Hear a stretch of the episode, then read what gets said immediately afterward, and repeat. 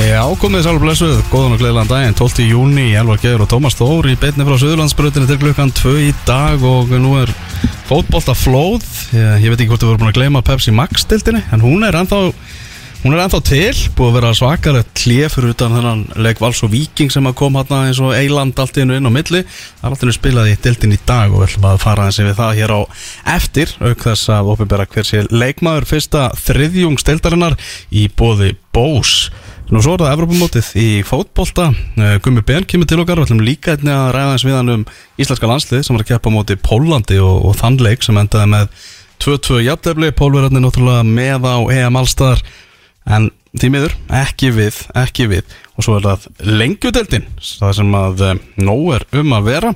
Heldur betur uh, en stóru frétnar núna sem að eh, voru að detta inn á mbl.is Bjarni Helgason uh, skrifar uh, að starf Eðsmára Guðjónsson hjá KSI hangi einfallega á bláþræði. Uh, samkvæmt heimildum MBL hefur eður tvo kosti á KSI að fara í meðferð eða missa starfið. En hann hefur nú starfað á KSI frá árinu 2019 fyrst sem aðstofa þjálfari U21 og svo sem þjálf, þjálfari Alanslisens aðstofa þjálfari Arnars Þós en uh, hér segir myndband af aðstofaþjálfarnu gengur nú um samfélagsmiðla þar sem hann er í annars, annarlegu ástandi í miðbæ Reykjavíkur en mbl.is hefur myndbandið undir höndun Þetta er heldur betur stóra fréttir sem að MBL er að, að byrta þarna. Já, ekki spurning og hrikalega leðilega náttúrulega líka.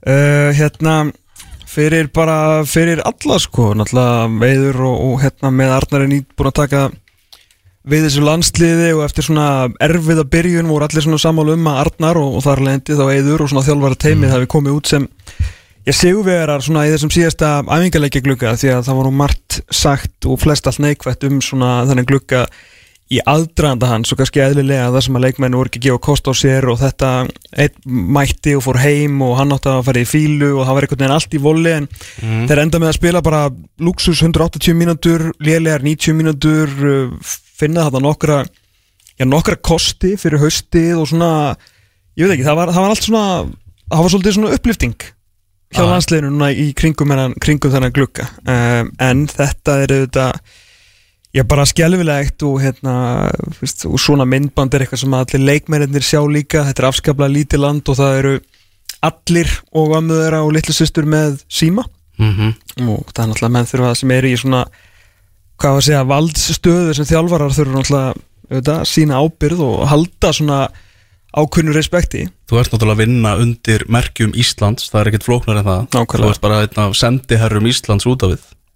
Og þá bara verður að, að sína já, hegðun eftir því. Og, og samkvæmt þessum, já, samkvæmt heimildum mbl.is þá er, já, fólk í lögadal búið að setja um stóli fyrir dittnar bara annarkvort er það meðferð eða, eða þú hættir. Já, og meina bæði hérna það er því árið svo áhugavert sko að þessi sagt bara hérna í þessari frétt sko að hérna annarkort fer hann í meðferð eh, eða missi starfið það því að hérna það er svo sem ekkert verið einhvern veginn greint frá því áður að þetta sé þú veist uh, hérna uh, þannig vandamála hann þurfið um þetta að gangast undir, undir slíkt sko. Þannig að uh, ef að það er ef þú veist þessar heimildi bjarnar sem er réttar sem ég eh, velkist ekki í vafa um að þá hérna þá hefur þetta kannski einhvern tíma verið áður til umfullunar hjá, hjá sambandinu fyrst að þetta sé einhvern veginn orðin bara afar kostur.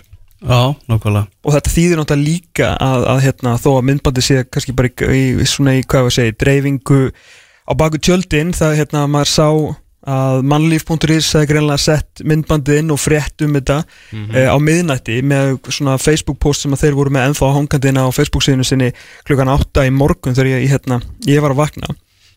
En þegar þú smelti síðan á fréttin þá var fréttin farin út mm -hmm. þannig að uh, það var eini miðlinn sem actually sett myndbandi inn en þeir eru síðan ekki uh, allan að ekki vilja hafa það inni eitthvað lengur hvernig, hversu sem ástæðan fyrir því er þannig að hérna, já, þetta er, þetta er, uh, þetta er ekki, ekki gott og, hérna, og, við, og þá þetta líka svo gera það að verkum að ef hann einhvern veginn verður áfram að þá einhvern veginn ganga allir út frá því að hann er bara að í meðferð Mm -hmm. Þú veist, að því að, þú veist, ef að þetta er skilur að því að náttúrulega fólk trúi bara því sem það les Já, já, eh, nú er þetta komið samkvæmt heimildum og ég held að sé bara ekkert annað í stöðinu en fyrir KSI heldur hann að gefa eitthvað út um þetta og bara, það er bara yfirlýsing. Já, ég smára sjálfan Já, í samæðilegur Já, nákvæmlega, ég held að það hlýtur- hljóti að vera næsta skref hjá fólki sem er hann í, í PR-málunum Já, og það er líka ekkit sem að eh, manneskjan elskar meira heldur en heldur en sko breyskleiki sem er lagaður og, og fólk sem að hérna svona finnur bóð meina sinna.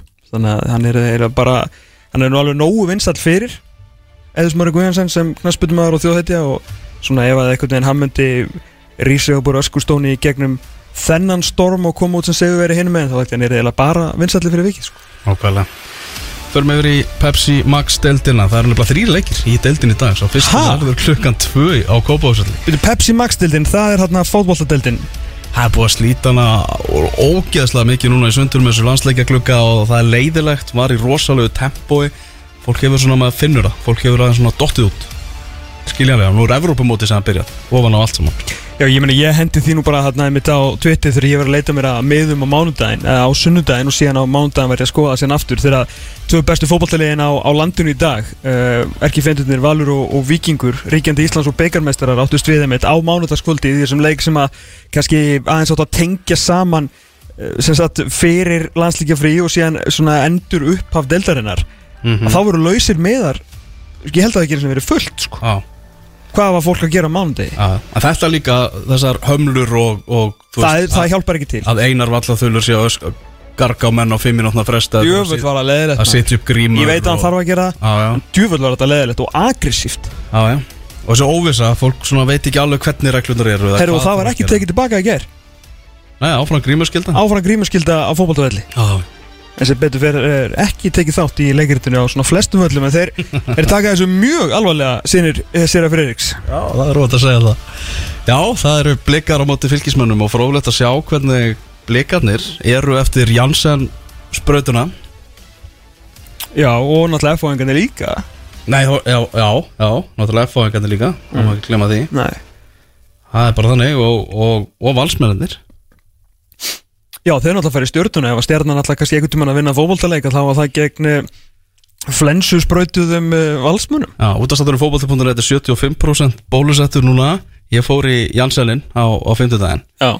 Og það var svona, það var þingudagur í ger Herrið ég, ég, ég sopnaði yfir opnuruleiknum á EM bara alveg gjössanlega búinn sko. Já, það er Já. Hann fóð 3-0 Já, ég vissi það sem. Ok. Að hérna 75 Þetta menna því ég hef eftir að fá setna Já, Já, já, já, já, það er rétt Herru, svo er ekki svona víst að ég fái hérna restina af þessu hundanami í æð. Ég geti brendað með að fá Pfizer í setjarspröðunni já, þegar við þurfum að borga norðmurum eitthvað tilbaka Já, það er ekki til nógu mikið að hérna óbil astra. Já, ég get ekki trúa því að hafa verið full mæting á æfingar þessara liða í gær daginn fyrir leik. Ekki með að við, sko, þessir drengir eru engin, eru engin ofurmenni. Það er held að það sé alveg klárt, sko. Uh, Og allir, hérna, sem sagt Hérna, allur vinahópur minn, enda allir fættir 1984, ég er náttúrulega löngu búin að fá hérna austruna mm. uh, en sem sagt við erum sex hérna æskuvinir í hóp og fimm, þeir fóru allir fimm Mm. á fimmtu daginn langar með að segja. Já, uh, hérna og þeir lágu allir. Já. Þeir lágu allir með tölu. Mm Ég talaði við félaga minn, hann eh, er á vinnustað þar sem fóru sex, Mm. fimm að þeim tilgetur sér veika daginn eftir þannig að það er alveg klárt mál að þessi menn hafa verið eitthvað, eitthvað slói á föstu dag minnstakosti en hversu mikil áhrif það Já. hefur, kannski veit ég ekki alveg Ég veit þetta með núna bara algjörlega resko, ég væri til að spila eitthvað á þessum leikjum Þú getur tekið þetta Nei, bara ég geti tekið Já, ég er þetta ánægður með- sko. ég er ánægður Já, já, en ég Það það hefur eitthvað verið svona eitthvað svona tæpar æfingarnar hjá þeim í gær en það er allavega breyðablík fylgir klukkan 2 Víkingur FH, hann er klukkan 17.00 það er aðaleikurinn á stöðu sport held ég. Ég ætla að skella mér á heima, heima við hlamingjunar og, og textalýsa þeim leik. Já, vel gert. Veitar þú kannski ekki margir en FH-ingar eru búin að tapa sístu tveimur leikum það er reyndar ansið langt séðan þeir leikir fóru fram. Þetta er mjög áhugavert því að sko vikingarnir fengu hennar leiki mér í viku aðeins til að koma sér, inn í, koma sér í gang. Uh, fáðu þetta svona meðbyr með sér með þessu jöfnumarkjum 9050 mínútu voru í heldina bara virkilega öflugir í þessum leik. Uh, ofan á það þá náttúrulega er hérna FO ekki búið að spila í langan tíma og þeir alltaf voru í sprautu. Þannig að þetta er svona þetta er alltaf svona lítur ágætlega út fyrir, fyrir strákana mína þannig lagað sko, það er alltaf margt sem að mælir með því að ef að vikingar alltaf halda áfram svona að allan að tapa ekki leikjum þá getur það verið í dag gegn þessu fyrna öfluga þessu fyrna öfluga F-fóliði sko. Mm uh, Víkingar án Sigurs líka í síðustu tveimurleikjum og gert jafntefli í síðustu tveimur móti fylki og, og val. Rétt. Og uh, frólægt að sjá hvernig, hvernig þeir koma í þetta voru uh, var sagt í Dr. Fútból í gær að Andri Rúna Bjarnason væri með, með tilbóð frá Víkingum Mhm. og ég heyrði nú í heimi Gunnlaugsenli, uh, varaformanni uh, spurði hann út í þetta og, og hann bara sendi, sendi þessa sögu bara burt, það væri bara alls ekki satt að Andri Rúna væri með, með tilbóðaborðinu frá Víkingum Nei, það, það er alveg rétt sko og hérna svona verður bullið til skilurðu, og hérna, þú veist, þetta er alltaf læg bara Rúmor er skemmtileg hluti af, af boltanum. En þetta, það vill svo skemmtilega tilhörlar að ég, ég sá þetta gerast. Þannig ég get útskýrt Varstu áhörandi í sal í, ég var í raun, nei ekki þar. Ég var áhorfandi í sal að hvernig bullið sem á endanum fór upp uh, tekjela var til. Ok, uh, þannig málu vexti að hérna ég mæti inn í fjós Mm. uh, hérna klukkutíma fyrir leik eða svo og hitti hérna hitti heimi og heimir tjáði mig það að uh, vikingum hafi bóðist að fá hérna Andrónar Bjarnason mm. fyrir ævintýraðar uppæðir á mánu ég skil vel að Kjela hafi svelst á kaffinu sinu því að ég skulum allan orða það að þetta var eða það sem, sko, það var alveg augljóst að þeir sem eru að umba andrúnar eru svona að reyna að, svona testa vatni hérna í Íslandi. Mm. áður en hann tekur eitthvað ákvörður með hérna úti þá bara ef hann getur fengið svona stjartfræðilega uppæði sem að var eitthvað kortir í sko, eitthvað kortir í 2 miljónir króna á mánuði, þú veist, með öllum að hérna, þá var hann bara til í að koma heim og vantilega ekkert svona reyn, myndi reyna á það úti. Allt í góðu. Uh, Vingasöð, nei takk, við erum alveg góðir þetta er alltaf hérna, ekki séns hver heldur að hafa lappað inn í fjóðsveit næstur? Andri. Hárrétt. Og það sem við vorum að ræða þetta ég og Heimi, þá fannst langaði Heimi rosalega mikið að ræða þetta við andra. Mm. og hérna, og bara þú veist, þeir þekkir náttúrulega vel, andri var náttúrulega var í Vikingi og þeir eru bara svona að spjalla um þetta. Nema að það er síðan þarna þriðji aðili, einhver hérna vinur andra. Og nú get ég ekki svona hendurum undir rútuna því ég veit ekki svona hvaða maður þetta er, þannig ég ætla ekki að gera það. Oh. og hérna sem að eh, heyri þetta allt saman og svona, þú veist, verður þetta bull til. Þannig að einhver ríkur fósfóingur hafi tekið veskið og hafi, vikingar hafi bóðið andrunar samning er uh, alls ekki rétt. Mm. en vikingu var bóðið að fá andrunar eins og ég ætla að giska fleiri liðum. Ok, þannig að eru mikla líkur á því að Andri Rúnar spili hér á, á landi? Uh, ég, ef einhver vil taka þennan launabakka núna Já, að þá kemur hann veist, ég, ég, nú er ég bara að lesa í stöðuna sko. Mhm. en hérna ég er ekki að sjá neitt í þessu orð fyrir að vera að taka þau laun sem er verið að, vera, hérna, að setja fyrir andur eins og staðan er akkurat núna og svo er líka Andir Rúnar í kompakki, þrítur búin að vera mittur, ekki vera að skora mikið þetta er rosalegt jeopardy sko. og svo Mhm. náttúrulega líka eitt við þetta að, að því ég var að hlusta á hérna, á dótturinn þegar þetta var að vera að ræða um þetta sko. og þegar menn verða alltaf aðeins að passa orðin sín og vita hvað er rétt og hvað er ekki rétt að því að Kristján Óli segir síðan frábæra setningu. Þegar hann segir hvað hérna, hvað allir Nikolai Hansen finnst um þetta? Einu besta leikmann Íslandsmóts til þessa, maðurinn sem er búin að tryggja þetta vingi bara stígin á færibandi. Herri, þetta er bara hárættu punktur. Þetta er bara frábær punktur hjá, hjá Stjána því að auðvitað kemur þetta illa út fyrir hérna fyrir Níko, þú veist þeirra að fara inn í leikum helgina hann er nýbúin að tryggja þeim stigum með markjum 1950 mínútu og það er bara að vera að horfa á einhvern annan framherja í Danmörku sem að hvorki skoranir spilar. En vikingarnir voru að því sko. Þannig að þú veist að orðum fylgja ábyrð sko. Það er gaman að að sögursöklunum í boltanum. Á sama tíma og Víkingur FH fyrir fram Þá er það stjarnan á móti valsmönnum. Spurning hvernig stjórnumenn koma eftir uh, fríið sitt Hvort að Totti sem, og Eyjóp séu búin að drilla á vel Og, og þessi klári slæðin á móti Sprautum Íslandsmeisturum Sem að gera jafntefnilega á móti, móti Víkingum. Uh, Virkilega verðskuldað hjá Víkingi að jafna þann leik það er ekki nokkuð spurning. Mér, mér var svolítið leiðilegt hversu mikinn varnargýr valsmenn fóru í eftir að hafa komist yfir í leiknum. Ógeðslega varna sinna skiptingar og það var bara hérna við ætlum að hanga á þessu eina marki. Ég fór að bæla í þessi bara í morgun hérna, að því ég vissi að hún myndi koma inn á hana punkt Já. að því hann er hár rétti þær að þeir áttu náttúrulega Guðmund Andra Tryggvason og þeir hefði getað leist, þú veist, hérna gefið honum einhverja mínútur. Uh, þeir tóku kæ út af eitthvað þannig en þá kemur Almar Ormarsson inn á því að heimi leist ekkert á blikuna, vikingandi Mm. voru betri og það var hungur í þeim og þá viltu fá stríðsmann eins og Almar Ormarsson inn á sko. en þú horfir á varamannabekkin hjá, hjá valsmönnum í þessu leik. Og þeir áttu galdra sem Mhm. eru svona að koma tilbaka. Þeir áttu Birkir Heimisson sem að ég veit ekki alveg hvað er því hann var svolítið á undirbúinustímbilinu og hefur verið að spila þú veist út á kanti og framalega á miðju og svona, ég, ég áttu mikið alveg hvort hann sé varna sinna með maður, sókna sinna eða kantmaður fatturu en, en bara þú veist, flottur ungu leikmaður Jú, jú, Sverri Pól Hjaltesteð sem að þú veist, strákur svo hendur ekki inn í þennan leik þú veist, en Tómas er búin að standa svo ágætlega. En svo er þetta bara, þú veist, Almar Magnús Egilson og Orri Sigur Rómarsson. Að því að þú veist, tryggur náttúrulega ekki komin inn í þetta, Galdri er svona ekki alveg komin á stað en þá, þannig að veist, möguleikarnir voru ekkit miklir en ég er ekki, ég, ég, ég er ekki en, en, ekki að en, á hinbóin var svo möguleiki að, að til staðar að halda samt áfram að bara reyna að segja annað mark sko. Einmitt, og en þar ekki, er þú veist þetta liðið sjálft bara datt allt aftur og ætlaði að hanga þessu marki sko. ekki spurning, ég er aðalega bara að tala um svona því við vorum að tala um hversu mikið breytin hjá þeim væru og það munar alveg greinlega um minna þegar að, hérna, Arnórs Márásson reyndar ekki sóknarmæri í dag, hann munum vera bara veist, á aukstar aftastur um miðunni hjá þeim, en þegar Tryggvi er ekki þannig að möguleikarnir á bekknum voru ekkit sérstaklega miklir og ég fór líka að spá þessu svolítið ef að vikingarnir hefur bara jafnað fyrr Mhm. þú veist, eða bara verið 1-1 á 7050 hvað hefði heimi gert þá?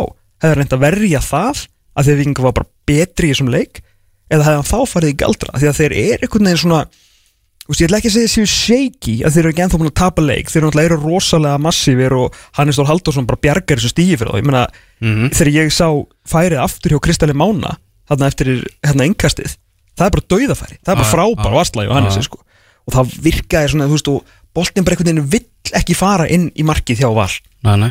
en fór hann á endanum. Að fóra á endanum sko. Fór, á- en fór á endanum veginn en góð punktur var ekki Óli Jósi kom með það hann í stúkunni að, að veist að tala mikið um það að, að valsmenn eigi eitthvað inni og eitthvað eins og að séu að fara að springa allt inn út og vinna leiki 4-0 og eitthvað. Já, við, það er bara sama sögulína og allir að nota oft Já, sko. já, bara, þú veist, er það ekki þannig bara að það er ekki þannig, að þe- þetta er bara valur valur er bara svona ég, þú veist, þetta eru, þetta er komin á sjösunum 90 mínútur fótbolta Já, sko. og heimir og líka spurður út í þetta af Gulla Jóns í viðtælinu og hann sagði bara, það er ekki nóg bara að tala um eigum eitthvað inni, við þurfum að fara að sína eitthvað þetta, sko. Ég er með þetta hugsa líka að það er ekki það mikið að hugsa um Evrópukjöfnina að þú veist, þeir að halda þessum leikstíl einhvern veginn inn í hana ha, það gæti verið sko, en þetta er ekkit eitthvað svakalega beysið og ef Alli Barkason sem hefur í heildina verið virkilega flottur fyrir vikingslið og tekið alveg stórstigum framförum hefði bara einhvern tíman hort á knatsbyrnuleik og, og vitað að kæli og færi yfir á vinstrifótin að hvaða færi fengur valsmenn í þessum leik? Nákvæmlega. En allt í sögðu, eru valsmenn búin að vinna fimm leiki, gera tvö er málið sko. og tapa engum leik og ég maður, er er tóknum maður er alltaf að hugsa bara ef þeir klikka ef það þeir svona, veist klikka mm og fara í gang Smetla smell í gang, Guð hjálp okkur. Nákvæmlega. uh, Svo er leikur á mánudaginn Leiknir Káer á Dómus Nóavellinum Ía Káa og Keflavík Háká verða á miðvíkutaskvöldið ásamt uh, Já, bara fullt að leikum uh, Val, Val Breiðablik og F á stjörnunni mm. Já, alvöru miðvíkutaður framöndan í Pepsi Max-deldinni Alltaf næst að uh, opinbera úrslitin í hver sé besti leikmaður fyrsta þriðjungs Pepsi Max deildarinnar. Þetta er allt saman í bóði Origo, í bóði Bose og Sigurverðin fær uh, ansi flotta græju. Bose Qui- Quiet Comfort uh, Airbuds, hvorki meðurinn minna. Næs, Næsari. Canceling hernatappa hana frá, merkið eitthvað, við fáum aldrei neitt. frá, frá Bose-urunum sko. Já, það er merkilegt sko. mætir hérna helgi eftir helgi og fæði aldrei neitt. Ja, Já, já, já. Það er eins og það er, ég fæði að hitta þig. Já, og, og öfugt. Þegar við kíkjum á þetta. Þetta var ótrúlega jafn já, sá. Það Lang, lang, lang jafnasta kostning eh, Við erum búin að vera með þetta á .net Þetta er í samstarfi við Bós núna eh, Undarfærin, ég held að sé þriði árið sem við erum með, með þeim í þessu. Og þetta er lang jafnasta kostningin það voru allir fjóri sem að tilnæmdir voru að fá fullt af atkvæðum að tala um það að í fjórða sæti samt sem áður með 19,74% atkvæða. 20% atkvæða. Hallgrimur Mar Stengrimsson hjá KA sem þetta er búin að vera geggjaður. Í uh, þriðja sæti er Kári Átnason hjá Vikingi með 23,31% atkvæða. Maður sem er líka búin að vera geggjaður. Kannar segja frá því að Hafliði Breiðfjörð var að mynda uh, leikin uh, Val Viking talaði mitt um það bara það sem hann skildi mest eftir sig var einhvern veginn hvernig að hlusta á Kára Átnason í 90 mínútur. Hann er ekki efstur svona þegar kemur að hafsendum í, í tölfræðinni hinga til en á hinbóin bara það sem hann er að gera inn á vellinum sem bara já, þjálfar inn á velli nánast. Það er bara magnað. Í þriðja sætinu er síðan? Á öðru sætinu Kári í þriðja. Í öðru sætinu er Brynjar Ingi Bjarnason í Káa með 27,79% atkvæða. Og hann saksaði verulega á svona síðustu vikuna sérstaklega eftir hann landsleika mútið Pólandi en það er ekki verið að velja besta landsleismannin en hann saksaði verulega á og, og náttúrulega engu við það að bæta hvað, hvað Brynjar Ingi hefur verið að gera. Fyrir maður sem við landslegin náttúrulega eftir með, með Guma Ben.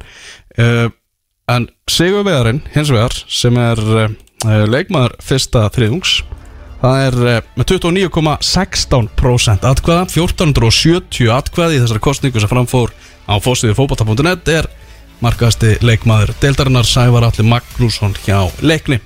Algjör burðar ás í, í svo leiknisliði og bara kemur á öllu mörgum liðsins nánast og bara hjarta og, heili liðsins.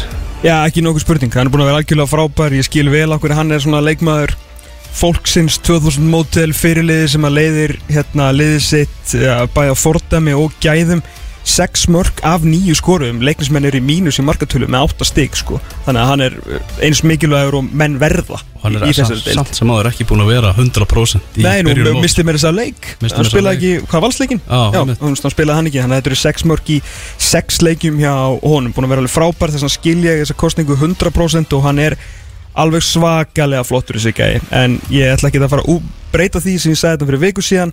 Að Það er bara einn leikmaður í í þessari deild sem er langbestur Og það er ekkert skrítið hans langbestur. Þetta er gæin sem er spilað á HM og EM Og það er Kári Átnarsson Allir fjórir, það er alveg ástæða fyrir því að það eru allir fjórir svona jafnir því að þeir hafa allir verið sturglagóður Það er virkilega góður, virkilega góður Það er algjörlega þannig, við ætlum að taka Hver eru svona fleiri, hef- voru svona einhverjir Pablo Puniet, við rættum um hann Hann Já. hefði alveg getað tróðið sér innan hóp sko.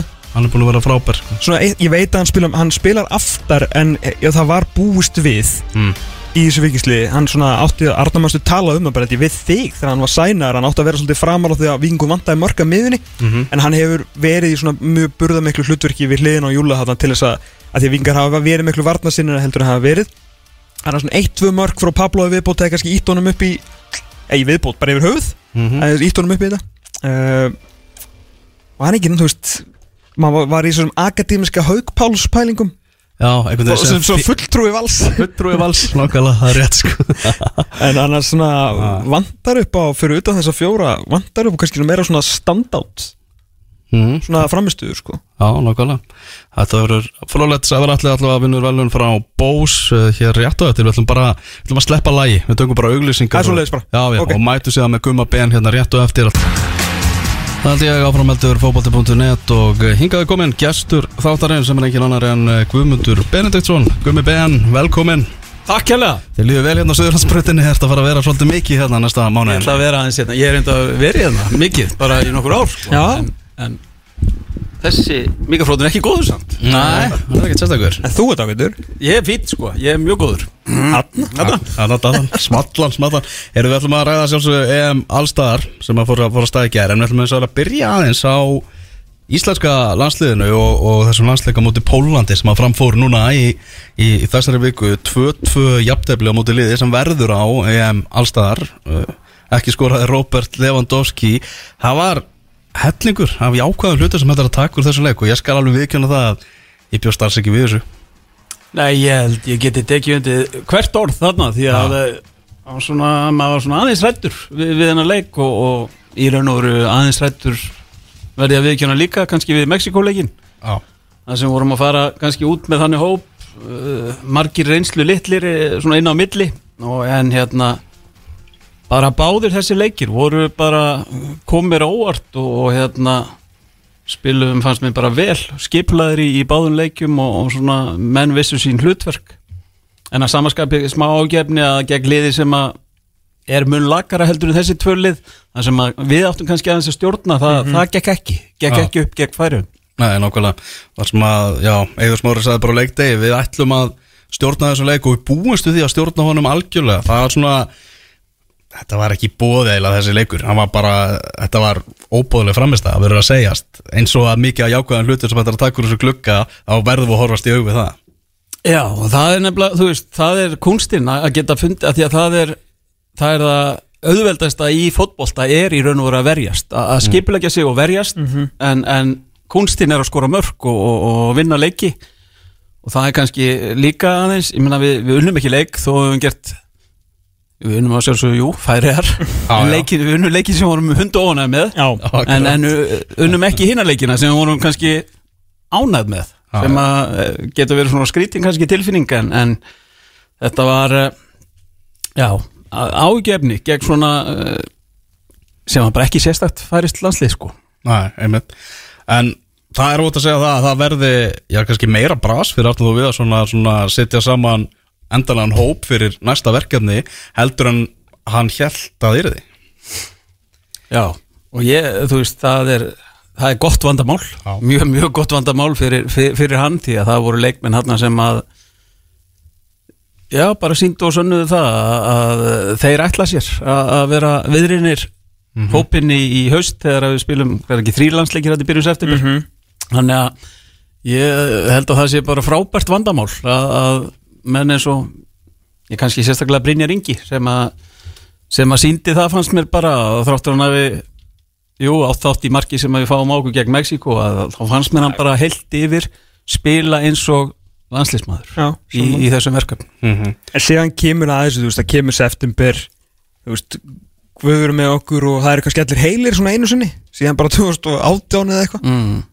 Þetta er alveg hvernig liði verður, sko Það, það, Þa, það, það verður samt ekki 2016 liði sko. Ekki Við- 2016. Við getum ekki haldið okkur við það lengi Nei, nei, nei, nei.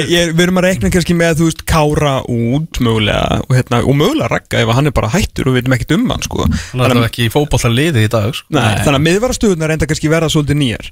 Ei, Vor- þú veist, það er engin ástæða fyrir Kára Átnason að vera eitthvað að spá í það núna hvort að hann verði þarna eða ekki sko, hann á bara að vera þarna eins og hann er að spila. Það þannig að þú veist, það er fyrir, fyrir mér er það frekar að við séum tilbúinir með mann með honum. Og mér fannst er þetta Hjörtur líka að skila mjög góðu verki í, í þessum leikjum. Hjörtur og Brynjar bara síndu báðir að þeir eru vilja þetta.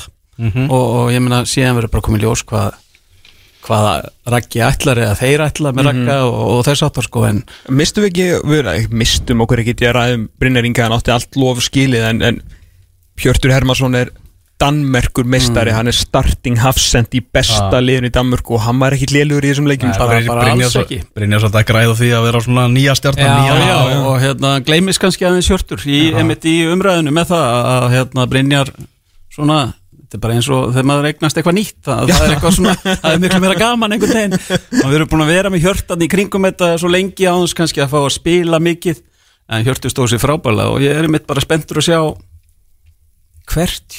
Hjörtur fer núna því að Já, hann er samningslaus hann er samningslaus Hann er bara að fara á markaðinn sem hann meistari. er bara var með leiki hann til þess að sína að að hann sé svo sannarlega færi í að spila einhver og ég held að hann hafi gert það bara mjög vel og ég er mjög spenntur að sjá. Segir líka fullt um hann að Bröndby hefði spilað honum út mm. Úslakefna vitandi að hann væri að fara sko. því að það virðist einhvern veginn vera með hann svona, er, það virðist vera auðvelt að íta hirti til liðar mjög en uh, hann má eiga það einmitt í hjá Brömbi að hann einhvern veginn kom aftur inn og eitthvað uh, minni ég segi einhverja leikið sem hann var tekin út af í hálfleik. Já, og satt á bekknum í næsta leik á eftir kannski en komin í liðið síðan bara aftur og bara stóð sér frábærlega. Mm. og vann svo COVID-velinu þarna þegar allir fengu COVID í Bröndby þeir eru meistar hérna, Ísak Bergman Jóhansson hvað hérna, hvað hefur þú séð á hann?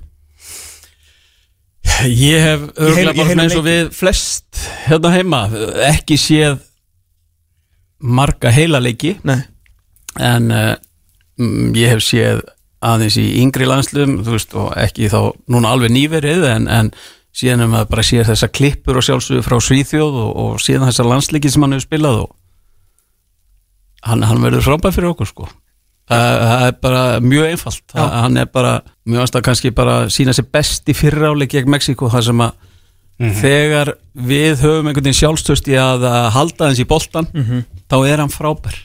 Þú veist, hann, hann er mjög vinnusamur og allt það en að, mér finnst hann bara skína mest þegar að við um með boltan hann, hann er svo hann er svo gáfaður fótboltamaður. Ok hreyfingin á hann, þú veist, þegar hann spila boltan hann er ekki að horfa á leikinn þegar, að, þegar hann er búin að spila nei. þá er hann ekki eins og allt og margir fótboltamenn þá farið svona að verða fyrir sem bara leikinn og verða hálgiri áhörnundur Það er fimm leikir Allt- fram í tíman Já, það er alltaf hlaup að bjóða boltamannum eitthvað og ég minnst hann bara, þú veist, með við aldur þá er hann bara komin ógeðslega langt og ógeðslega gaman finnst mér að horfa á hann. Náttúrulegur artaki gilva Já, ég, Það fær að vera með honum kannski nokkur ár og svo svona. Ég held það nefnilega og ég held að það væri líka bara frábært fyrir Gilva ef að Gilvi fær að hafa í kringu sig einmitt leikmenn sem að sem að skilja hann. Að því að Gilvi er alveg á annari annari hæð heldur en flestir íslenski landslismenn Vissulega. Og þarna er, þú veist, það eru leikmenn þarna sem, að, sem að geta spilað með Gilva og einmitt, ég held að Gilvi muni njóta góðstæðis og, og hafa gaman að því að, að spila í kringum nokkra af þessum yngri leikmennum þarna sem að sem að eru svona einmitt tæknilega góði líka. Já, algjörlega. Hvað segir alveg að fara í EM eða? Það ekki? Þetta var rosalegt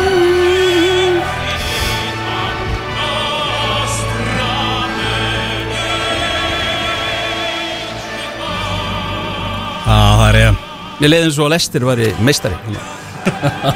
Herri, já, hann mætti þá. Sjálfsögðu. Vá hvað það var skvitið Það var alltaf Rann ég er í redda Já, þetta Hann er með númer í honum. Já, Herru, EM fór á staði í gær uh, með, með pomp og prækt og óhætt að uh, óska ykkur til hamingju bara með allt saman. Settið, uppbytturina EM í dag bara það er ekki I know, það er erfitt að setja saman svona langt prógram, þú veist, það er stress í mönnum og allir veginn með kúkinu ekki kannski þú en svona, heldur betur, jú, jú, allir, allir með kúkinu buksun Herru, þú, þið ljótið að vera ánað með bara frá fyrstu sekundu síðustu, þetta var lukkaðist ansi vel. Ég, ég, er sko, ég er sérstaklega ánað með, með settið. Mér, mér finnst það líta mjög vel út og það er bara komin tíma á það líka að, að íþróttir fái alvöru sett Mhm. því að þetta á að vera stórt og þetta á að vera flott og svona og hérna, allstaðar út í heimi Er reyndar ekki Sky Sky eru með svona hérna, skápasett meir og minna já, En, en þeir fara líka og eru á völlunum Já, oft og, þeir og eiga þess það að sko. sem að við erum allt og lítið í rétt Mm. BT, hérna Olimpíu geimurinn er náttúrulega algjörlega trublaður Já. sko. Og svo náttúrulega ekki að marka hérna, settið okkar Settið sett fólksins upp í rúf Sem er náttúrulega, Já, er náttúrulega algjörlega geggja skilur Þannig að já, þetta er fyrsta sinn sem ég held ég við sé svona alvöru rými á engaríkinni sjónvastu Já, Það var rosalega flott sko. það sé rétt hjá þér og hérna, ég er sérstaklega ánað með það því að það þarf að vera smá pláss og geta unnið aðeins með og bara gerir allt allt stærra og skemmtilegra og flottara einhvern veginn. Já, og ég, þetta verður þetta verður mjög strempin mánuður en, en ég hugsa að verði einmitt bara mjög skemmtilegur, það eru mjög margir sem koma náttúrulega að þessu, það gengur ekki öðru sig Nei, nei. og hérna þannig að þetta verður bara uh, vonandi veistla og ég meina eins og komst inn á þetta hóst í gær og, og með þessi tvö lið þá, þá hérna Tyrkland leiti ekki vel út í Nei. gær. Það voru ógeðslega lélir Já, þeir voru það og þetta, að því að maður er búin að vera alveg vel pyrraður að við hefum ekki unni Ungverjaland mm og nú er maður ekstra pyrraður bara að hafa ekki unni Tyrki í báðunleikjónum og, og þeir hafa Það hefði unnið ekki verið nóg, ég er bara brjálaður út í Já, sko. og þeir hafi, þú veist, unni frakka og ekki tapa fyrir frökkum. Þetta, Þannig að það er svona, maður er að vera reyðar og reyðar bara þá að keppni sinni í byrjun Ég fór svo mikið ef að hefði leik í gær sko með hennar reyðil, ég var alveg að vera brjálaður heima sko, af því ef við hefum ekki skitið ákvörðan mútið Albaníu, þessi umtalaði leikur sko og frakkarnir hefðu tekið annan kvot þá held ég að ég var búin að rekna okkur semst upp í jafnmörg stig og við áttum innbyrðis og þá værum við bara grenjand og hlátri í uppásleiknum og EM sko. Shit sko, já? Það er eins og það er. Herru, bara rétt aðeins hérna, umræðleik uh, Ítalarnir voru þeir ekki bara jafn góðir og margir eru búinir að vera að lofa? Jú, sko að því og ég held að séu óbúslega margir sem að svona þú veist, þeir eru ekki með ítala svona í fyrsta seti að halda með. Nei. en það, það eru ótrúlega margir einhvern veginn sem hafa samt einhvern veginn svona smá taugar Mhm. til ítala því að það er bara eitthvað við þetta, þeir eru svo einhvern veginn ég veit ekki hvernig maður á orða þeir eru það eru svo mikla tilfinningar að Þú veist, þeir get ekki skora mark á þess að þetta sé bara fyrsta og síðasta mark heims. það er svo indislegt að að fylgjast með því. Bara þjóðsöngur, þegar þetta byrjar sko, þjóðsöngurinn, þegar þeir byrja að öskra allir, þú veist, við erum að horfa á íslenska liði þarna að spila á móti Mexíkó og hérna eru þrýr sem að svona rétt svona reyfa varirnar með, með þjóðsöngurum og síðan bara sér maður ítalska liðið og þú veist mann er langar að vera með. Já. Þe- þegar maður sér þá bara að byrja þjóðsöngin og, og hérna, það er ekki annað hægt en að halda eins með þeim, þeir eru bara svo flottir líka og það er allt sem að einhvern veginn hreyfir aðeins við mér þegar, þegar ég sé ítalina og ég, ég vona þeir séu svona góðir. En eins og við samt vorum að tala um Tyrkindum voru óbúslega slappið og þeir, þeir virkuðu bara hrættir á mig Hár, ég, þetta er bara orðið sem ég var að nota bara, á, hérna, bara spjallaði félagið minn á netinu í gær því að við vissum alveg að þeir eru orðnum varnasinnar Mm. þeir eru ekkit jafn opnir og þeir fengu þessi þrjú mörg alla helvitis undakefna sko. Já. þeir fengu þessi þrjú mörg bara í gær og við vissum alveg að þeir myndu bakka af þeim og svona Her, þeir áttu ekki skot bara í höfumátt þeir, þeir reyndi ekki til þeim frá miðju sko. þeir fóru ekki yfir miðju Ítaliðin bara læstu þá og Algjörlega. þeir komust bara ekki út úr tegnum sínum þannig síðan sko. þeir, það var bara og þetta var, mér, mér fannst þetta blá köplum þá var ítalska pressan á, á þegar voru í uppspili Tyrkinir, mér fannst ítalska pressan ekkert á einhverju 100% hraða en það þurfti ekki. Nei. Tyrkindin bara stressuðust upp og settu bara boltan eitthvað. Og og ég menna þetta var drauma byrjun fyrir Ítala að sjálfsögða heimavelli og hérna en þeir eru fá líka að spila á heimavelli og þeir tapa aldrei á Nei, sem að ætti að geta hjálpað þeim í, í þessari þetta tapaði bara ekkert undir mann sinni þeim sko. En það er alveg styrla að þetta sé í fyrsta sinni bara í lokakjarni EM sem þau skora fleiri en tvö mörk í leik. Já, ég fílaði þá tölfræði af því að hérna, þessi mýta um að þeirra hérna, eru ekki lengur varnarsinnar sem er alveg rétt, þeirra leikstillin hefur breyst en það segir okkur samt að þeir hafa verið svolítið varnarsinnir gegnum tíðina sko. Að því að ég er búin að vera bara alla vikuna hérna, bara heima og búin að vera að horfa mikið á hérna, uppbytunum þættina en að bara hérna, sögu Já. e-myndana skemmtilegt á um hérna, sem er jafnvel skemmtilega en keppninar sko. Já, að keppni bara svona í einum pakka.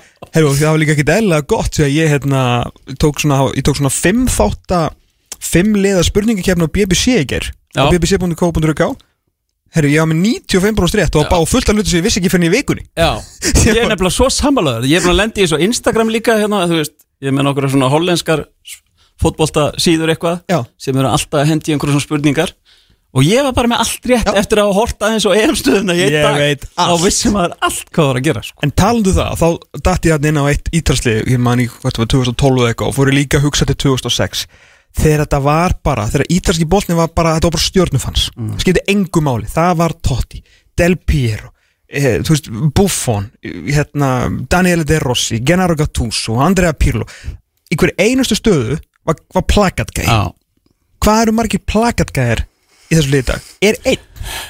Ég held ekki sko. Nei. Það er, eða þú veist mér finnst reyndar að Bonucci og Chiellini alltaf vera Ja, en þeir eru bara, en þú setur aldrei hard-nosed defender á plakat sko. það er alveg rétt sko og, en hérna, þeir eru ég held að þeir séu bara kongarnir í þessu liði þannig Já. séð, en, en þeir eru líka bara virðast vera mjög eðlegir menn og ég meina, Chiellini er búin að sína það náttúrulega bara alla sína æfi, þú veist að hann fer bara í eitthvað nám með, með, með vinnu og eitthvað þess áttar sko, hann er eitthvað, ekki hún er eitthvað viðskiptafræðingur eða eitthvað svona álíka og, og síðan, mér fannst það bara mér fannst svo flott augnablikki alveg undir restina. Tyrkinni fengur kannski sitt eina færi undir restina. Mhm. og hann hendi sér fyrir og varði í skotið og steig upp eins og Ítala væri við það að vera heimsmystrar því að bara fagnið þetta, þú veist, mér finnst svo gaman að sjá Ítala verjast þegar, þegar maður sér einmitt þetta, af því þeir vita hvað það skiptir miklu mál ég veit þetta er, ég bara ég var svona aðeins komin á þeirra svona fyrir móti, svo sá þeir leiki gerð ég svona, þú veist, maður er náttúrulega með England nummer eitt svo ætla ég að vera með, hérna, með skótónum mínum. Uh, að Ítalið sé bara með þrjú heimina, Já, ég held sé alveg þar sko. heldur að England geti unnið þetta? nei, Nei, ok. Eða þú veist, var bara mjög heðalegt já, ég bara En þeir eru nú eitt í þar nei, ég er að meina í hjarta mínu sko. Já, ég, ég, er að meina það. Já, það er nú bara, þú veist, maður bara fylgjast með sko. Förum bara þangað, það er það sem allir vilja vita. Það er þetta ennska landslið. Já, uh, Heldur þú að þeir geti unnið þetta? Nei, ekki ef ef ég á að vera alveg hinskilin þá, þá held ég það ekki. Uh, bara í fyrsta lagi. Ef að Pickford verður í markinu Mm -hmm. Sem að verður líklega, já ef að Tyrone Mings verður í vördinni í einhverju leikjum þá segir ég bara nei strax. Já, ég er bara svo hjartalega sammála það bara því miður, þá, þá finnst mér það bara að vera nóg til þess að segja nei, að þetta gangi ekki upp. Mm -hmm. af því að fram á við langar mér reyndar að hafa ótrúlega marga inn á það Já. þú veist, í Mason Mount og Grealish og, og Foden, þú veist, mér langar að hafa alla þessa þrjá, Mm -hmm. þarna. Og það gætir reyndar alveg orðið. En hvað ætla að gera Rashford þá því ég held að Rashford muni verið í byrjunliðinu alltaf hjá honum. Harry Kane verður alltaf að sjálfsögðu. Hefur ekki Jadon Sancho vanlega starta Sancho alltaf hefur hjá byrjað mikið hjá honum þannig að það verður erfitt að koma um öllum fyrir.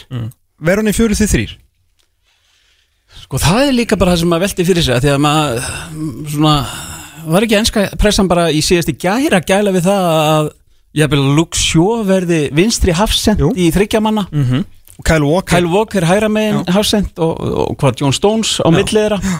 Að Því að Harry Maguire er ekki líklega ekki tilbúinn. Og, síðan, og það, þessina, það lítur að vera eina ástæðan þess að hann tók 17 bakverði að, að, til þess að geta spila svona Já. með bakverði sem hafsenda líka. Sko Mirror þykist eitthvað vita og vera með eitthvað insight en breska pressa þóttist vita það að, að Trent ætti ekki að fara með og, og allt það þannig að við veitum ekki hvað á á að segja með það. Þau vissu að lokum, reynda, það var rétt hjá þeim. Já, það er ekki- Þeir spáðu fyrir um meðslinn En þeir eru að spá sko 4-3-3 í, í, og það verður Kyle Walker og Chilwell sem verður bakverðir Stones og Minks í hjartavarnarnar Declan Rice, Calvin Phillips og Mason Mount á miðjunni. Og svo verði náttúrulega Kane frammi og það verður Phil Foden og Raheem Störling sem að, Gleymdi að minnast að hann sko. já, Raheem Störling fái trösti þrátt Það fyrir byrjar- Það er bara Southgate maður. Númer tvö eiginlega á eftir Harry Kane sko. Já, átti ekki sitt besta tímabil en Southgate muni halda sig við hann. Ég held að hérna Ef að England ætlar að vinna þetta mót Að þeir verða að starta Sérst að þeir verða að fyrir fjóra tvo þrjá Já, Mér Ég- finnst Kvorki Rice, Nef Phillips Nógu góður til að vera einhverjir einir hann Einir, einhverjir kanti sko Og ég held að einmitt líka bara og þá sérstaklega í fyrsta leik gegn Kroatíu og þá held ég verði bara að gjöra svo vel að fara aðeins valega inn í það. Þó ég vilji hafa alla sóknumennin á þá, þá verða þeir, ég, ég trú ekki öðrun að verða með báða. Ég, ég, Það kemur á mm. en, svo, en svo líka Þrátt fyrir það Þess ég myndist þið náðu freysa síðasta þætti Ég á ennþá eftir að sjá það. Ég á ennþá eftir að þú veist Sjá þetta hjá Declan Rice sko. Já, Ég, ég er ekki alveg komið ánga sko. Hérna hann er enskur og eh, það er, það er talað gríðalega upp ef þú ert þokkalega góður enskur leikmaður þannig að ef að þú ert þokkalega góð eða bara, hann, er, hann er mjög góð, Já. ég gef honum það hann er mjög góður. En hversu vel lítur út ef þú ert mjög góður varnarsinnaði miðumæður við hliðin á Thomas Sásek Mm. í varnarsinnaði fótballtalið Ég, það, ég held að það sé bara draumur að hafa Tómas með sér. Já, alltaf, bara, ekki bara inn á miðunni já, nákvæmlega. Og viltu hafa einn Tómas með þér sem að vinnur ótrúlega skítavinnu fyrir því sko. Þegar þú átt að vera kannski aðal skítavinnumadurinn Mhm. þá, þá er hann bara hann tekur svona rjóman af því öllu og þú ert bara svona klára Mhm, klára málið og hérna. En þessum er kannski einmitt þarf hann að vera með Kevin, lítið saman Calvin, Calvin, já. Calvin, já. Þannig að mér finnst bara allt og mikið hérna, spurningamerkjum ég veit ekki hvort að hann viti besta formationið ég veit ekki hvort að hann viti besta liðið. Nei. ég, hérna Bellingham hefur aldrei verið á þessu sviði en hann er alltaf algjör vundir talent það sem maður sá í. Champions League sko, hann er algjörlega geggjaður. En síðan er Jordan Henderson sem mun verða í liðinu ef, að, ef hann telur hann tilbúinn í það. e ef að hann er 85% sko þá Mm. líst mér betur á það. Já, það verður ég að segja sko. Þá verður hann með hann og Declan Rice gerir róf fyrir já, ég hérna Harry Maguire missirinn er, er mikill sko Mm. En englendingar eru náttúrulega nánast á heimavelli eru náttúrulega að að spila á Wembley á morgun Já, og á sko. mót, móti Kroatíu ef þeir komast í undan úrslit þá eru þeir að spila á Wembley þar og í úrslitum mm. það hjálpar Þú voru ekki starfsfræðingar búin að regna það að það verður mesta líkur að þeir myndi vinna mótið að, og það reiknuðu að mest megnis út af því að þeir spila alla leikina þannig séð næstu í á heimaðalli en góðu frétnar eru við fáum eiginlega bara strax að sjá í hvað þá er í þóspunni það er bara England Kroatia Já. tomorrow one o'clock sko Það er einmitt líka kannski aðeins áhugavert finnst mér að maður er búin að ná að nefna einhver 8-10 lið sem ætla sér að vinna kannski mótið mm -hmm. en ég hef aldrei nefnt Króatíu, þú veist, silfurliðið að HM Já. af hverju er það? ég, var það bara svona lokaðis glugginn þar á þá? maður einhvern veginn, ég held að maður einmitt að við kannski aðeins hugsaða þannig bara, já, þarna loksins náður eins langt eins og þeir geta náð og nú er bara orðinni gamlir hérna, Modric og eitthvað svona já en Modric er búin að sína mér í allan vetur og hann er ennþá bara Einmitt. einn besti miðumar heims sko. og þetta rúla svolítið í kringum hann og, hérna ég held að Króata líka, það er bara svo mikið stolt þar að, að þeir getu allt í hennu bara sínt það í fyrsta leik að, við erum konið hérna til þess að vinna þetta sko. Hver er hérna Hver eru að, sko, þannig að það er Frakland hvað, Frakland, Portugal eða ekki svona Jú, ég held að flesti nefni þessi tvö. Þessi tvö? Uh, Hver eru þar í hugmátt? England, Ítalía uh, spátt Ég ætla einmitt að langa að ræða við eins bána þú komst aðeins inn á hérna í annarkvort í gæri eða í hérna fyrradag. Það er svona ég veit, ég veit ég má ekki segja lúmst gott lið en svona þeir hafa aðeins svona dottið af ratarnum eftir að svona, allir fengur leiðaðum hérna um árið sko en þetta þeir eru að stilla upp núna Þetta er er- spennandi. það er það. Já, þetta eru leikmenn sem man kannski ekki allir þekkja þú veist, akkurat núna. Nú er allt í hennu, þú veist, besti það er ekki Gar- hérna, Ramos. Ramos. nú er besti meður en Pá Torres. Mhm. en þú veist, allir hérna, fótbolta heipstirarnir sem að skrifa á, þú veist, og atletik og allt það, þú veist, er að tala hann upp sem bara besta meður í heimi eða eitthvað skilur, og ég er bara maður á eftir að sjá þetta og allt það? Já, uh, ég las á hérna við atletik held ég að besti leikmærin í liðinu er hægri bakfröður Marcos Llorente og þú veist, og, þú veist, og svo er þeir með er þeir með tvo af þremur, tvo af þremur bestu sexum heims Rodri og Busquets. Mm. þannig að þú veist, eru, svo, þú veist, þeir eru með Kóki, þeir eru með Ferran Torres sem að líður vel í spanska búninum, kemur breymanda sjálfströsti uh, þeir hafa kort sem eru vanir að spila með falska nýju, ég veit að Morata getur spilað, Hossi Gaia er góður maður hefur ágjörð markverðinum en er þetta ekki líka svona, veist, eins og hjá, hjá ef einhvern veginn spátt svona ég, ég, ég held einmitt líka að þeir séu með eða þjálfara eins og Ítalar.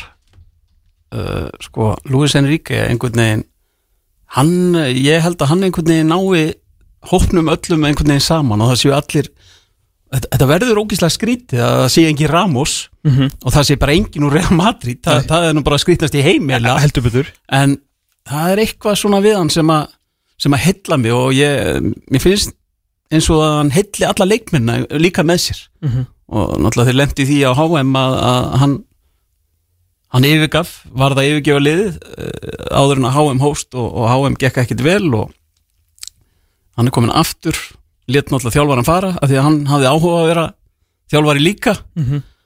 sem var aðstofmarans en þannig að ég, það er eitthvað við, við spánverina þeir, eru líka bara þeir eru allir svo góðir fótboltamenn að, þú veist, þeir líður öllum vel með boltan Mhm. og það er, það, er, það er ekki panik aldrei panik þar.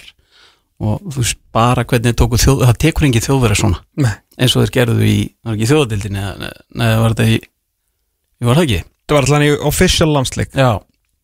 Og bustuð og sko og, Jú, veit, því þeir eru aldrei Og- saman í riðli. Nei, og hérna þannig að ég, er- ég er mjög spenntið fyrir þeim. Sko Belgia.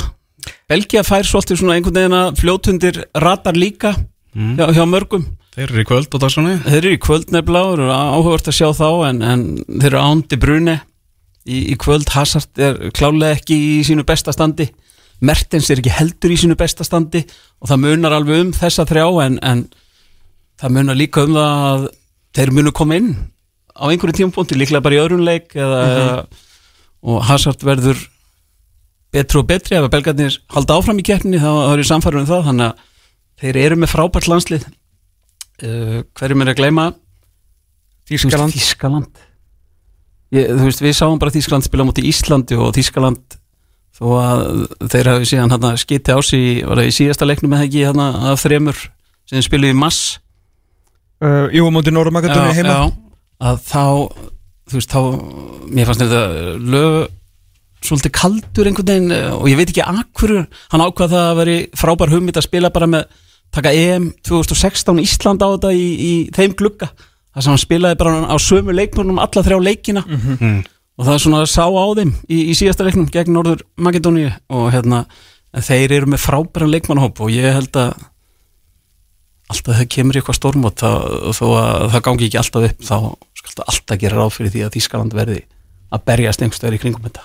Það er svona, þú veist, svona auðvitað, þetta COVID-dæmi það er ekkert allir leikmenn kannski 100% það er svona gæti eitthvað þú veist, það er bara liðið sem að vantilega bara fer á flug er náttúrulega mjög líklegt til að vinna þetta obviously, mm. -hmm. að þið talandi um þú veist, leikmannahóp og svona, þú veist, Jóki Löf hefur alveg, hann er unnið áður, hann veit alveg hvað til þarf og það eru leikmenn þú veist, í þessu liði, þú veist, það er ekki spurning um það og einhvern veginn, ég, ég hef svona smá ég held að vera bara annarkort eða sko Já. ég held að séu bara úrslita leikur eða heim mm.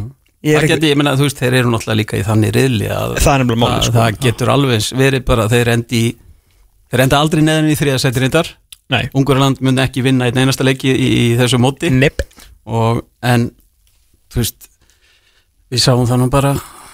samt Portugal skreið, skreið áfram á EM síðast Mhm. ekki í þriðasæti með okkur Já. og, og hérna þannig að þetta verður alveg það var mjög gaman að sjá hvernig F-riðlinn fyrir að stað, fyrsta umfyrir bara þar verður mjög áhugaverð að sjá hvernig það þróast og hvað gerist í kjölfarið sko. þessi reyðil sko setur hérna útslóðakefnina bara nánast upp í loft.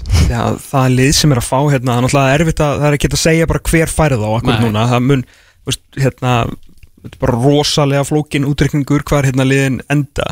En það er alveg nokkrir sko hérna, þetta er F-reilin eða ekki? Jó.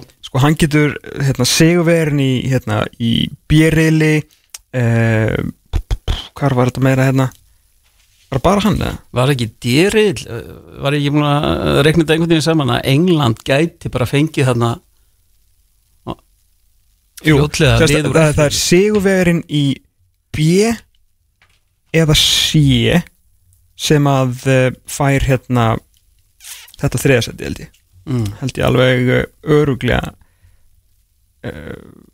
hvað er England? Er það D? Erum við D? Maður sá Winner Group D Nei, vinner, sérst, sigurverin í, í D fær hérna annarsættið í F Já, annars að F Mhm. sem að verður eitthvað af þessum þreymur sko. Frakland, Tískaland eða Portugal Það verður svo mikið harbreyk í 16. Mm. úrslutum hjá einhverju stórþjóð wow. að það er rosalegt sko. það er rosalegt Herru, hérna ef við tala um svarta hesta Já, endilega, endilega. Ekki setja mörg djöfull hló ég gera þegar þósteinn nú að tala um litla liði Dani ég, ég hörði ég horfa á það aftur. Sástu það alveg að Já, ég svo ógeðslega fyndið. Hvað var það, bresku meila þessu töluðum að hérna, getur verið svona smáþjóðarsigur eins og, eins og hjá Ísland Litlu dúlutnar í Danmörku. Sko, þe- þegar maður skoðar þetta samt Mér finnst bara ekki vera mörg lið sem að einhvern veginn þú veist, Ungariland, nei Nei.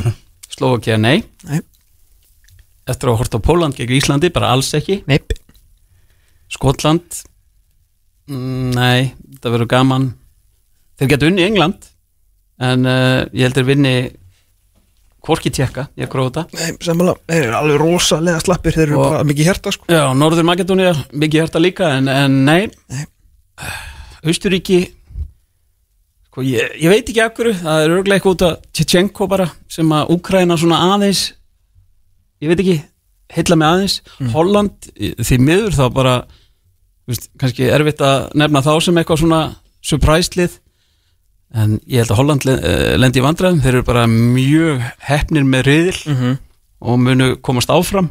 En vandræðin eru gríðarlega þar því að, þjálfarin ég er ekki viss um hann hafi stjórn á þessu. Þetta er búr og, hérna hann hann fór ekki vel að stað. Þeir, eh, í fyrsta lagi inn á vellinum gáttu þeir voða lítið eftir að hann tók við á koman.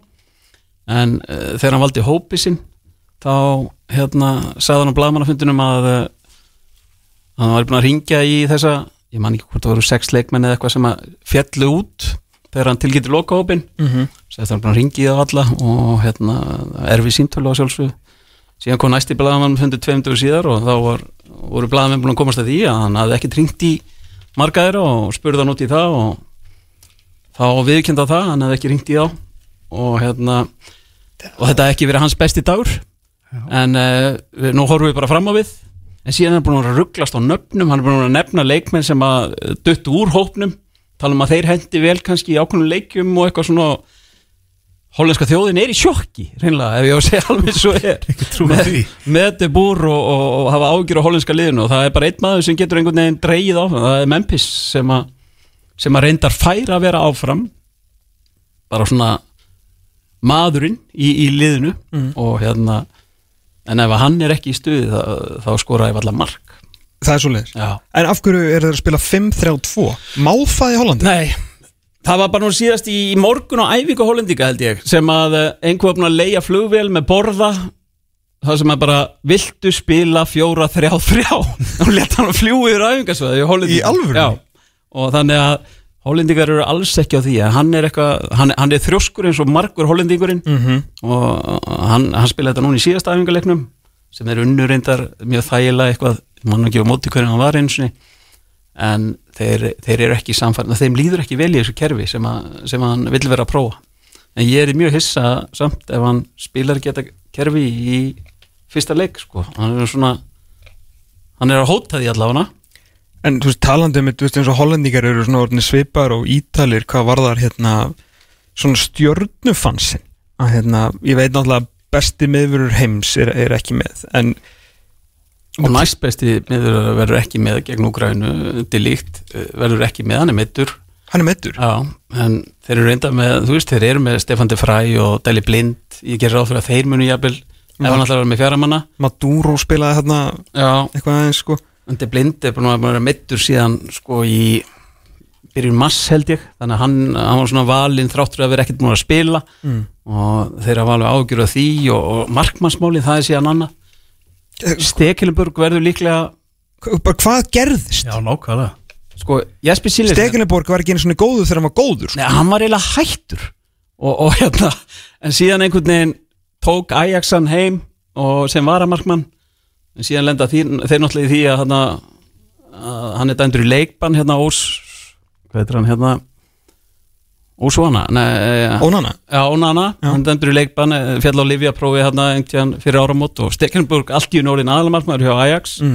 sem er reynda mjög þægilegt starf að vera aðalmarkmaður Ajax því að þú ert bara í langbæsta liðinu og það er ekkert mikið að, gera þannig að hann stóð sér brákjalla var ekki að þrýfa búningin en svona þryggjarleikja fresti. Og... mikil spartnaður í þessu. Já, en hann er síðan bara tekin inn í hópin en, en Sillisen er brjálaður núna í Hollandi að því að hann greindist með COVID eftir að hafa búið að velja hópin og e, De Boer tók bara ákvörðun strax bara klukkutíma síðar að gefa honum engan séns og bara valdi markmann aðsetta Alkmar sem þriða markmann og bara málið dött er, ef ég þekki hann rétt, þá er hann geð búin að tala við Sillisen sko og þess vegna Sillisen brjálaður líka. Nema þú spyrir þann þá er hann þá búin að því. Þannig að það er, þú veist, menn eru skítrættir þar um, um markmannstöðuna að Já, en, en það var ekki einu svona gott að vera með Sillisen Nei, fyrir utan það, það hefði ekki verið frábært En hann Stóra var spurningin samt var bara- fyrsti markmaður sko. Já, já, já, en stóra spurningi var bara hvað kom fyrir mark og smálónum sko. Já, það er nefnilega það er frábær spurning Æ, þú veist, þú með, þú með hérna, Tim Kruller enda góðu markmaður og hvort sem að vera Steklinburger eða hann en þetta er kannski ekki einhverjir hérna,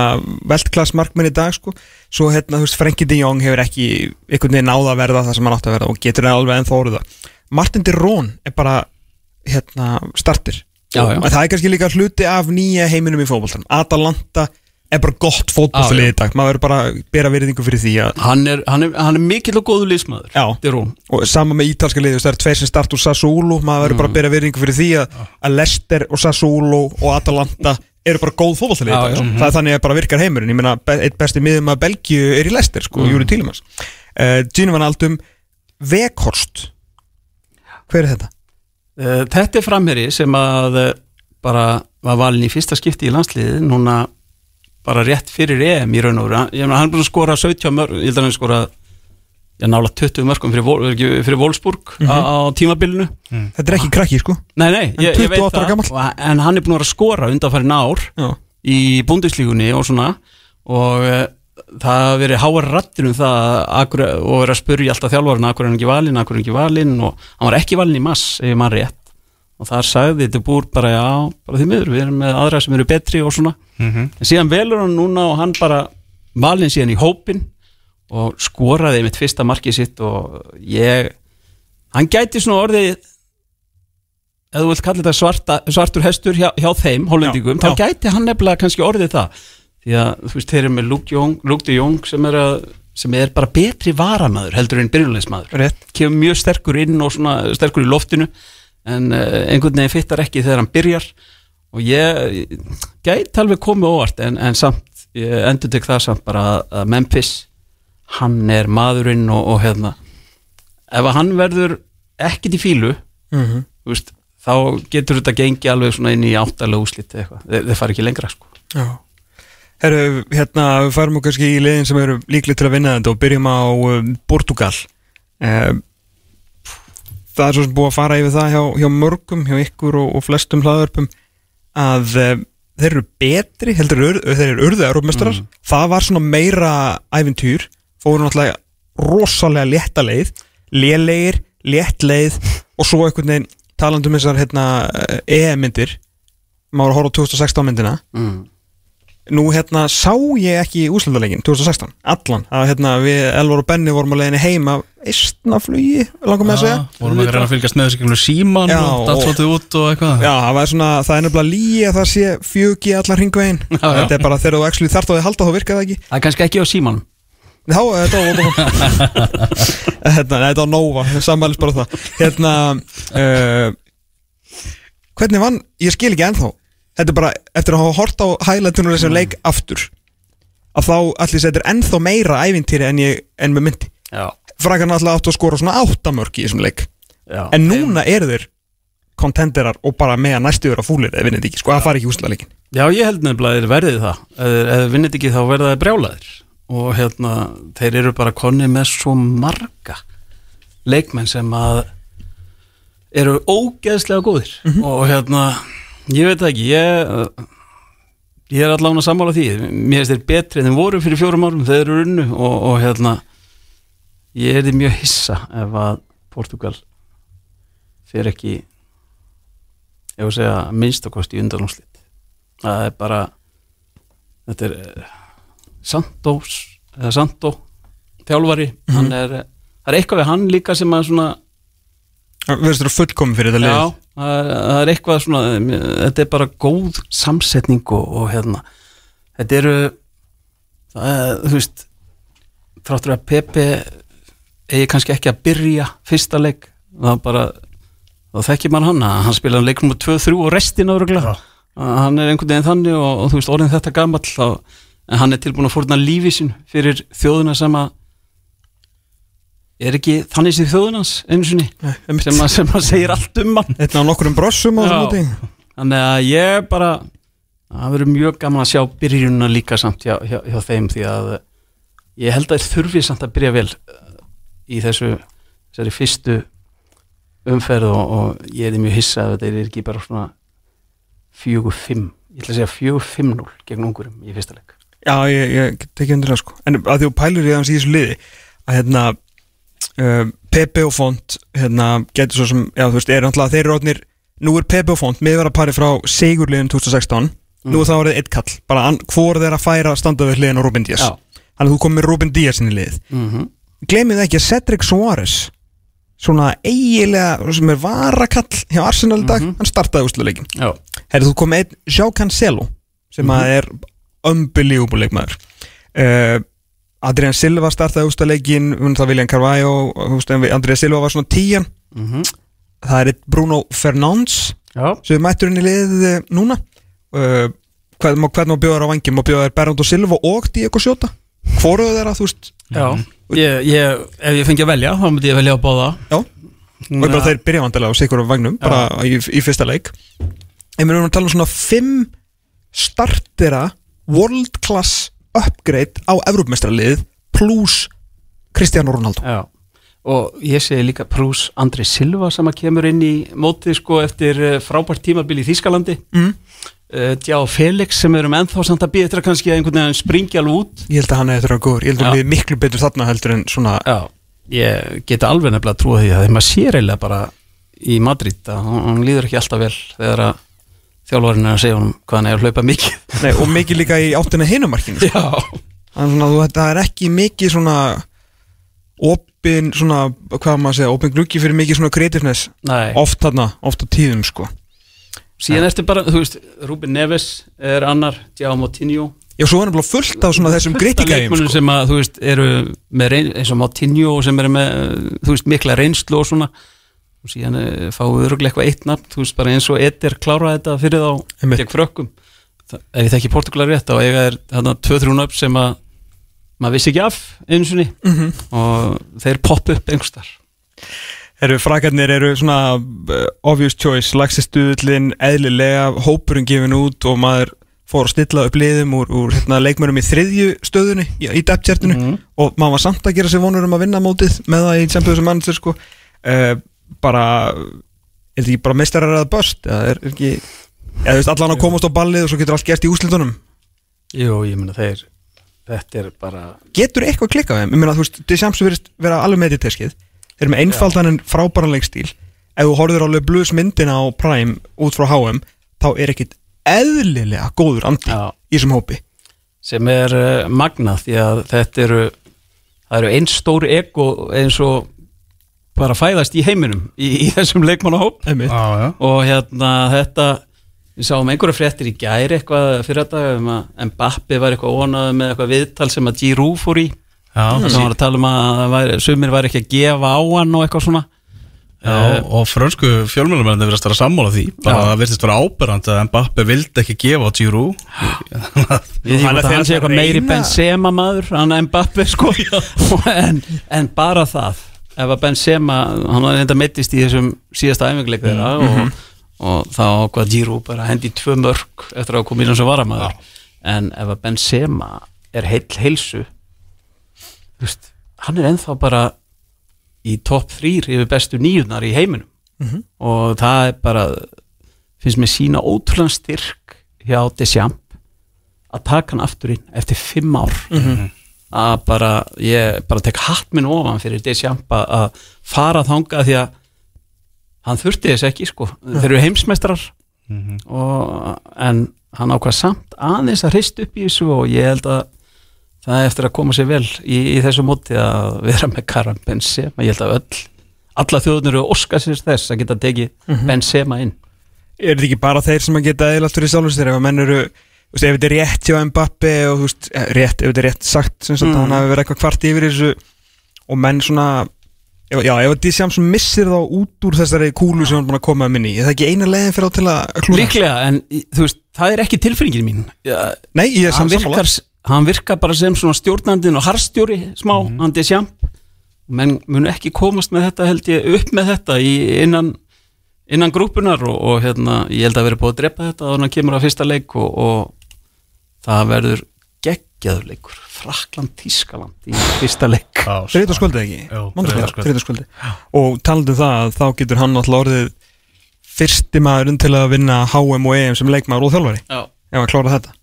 Þannig að sem er er býsna stort það er alveg, var hann ekki kraftirn í báðum? 98 og 2000 Jú, jú, alveg öruglega Jú, jú, allt ég.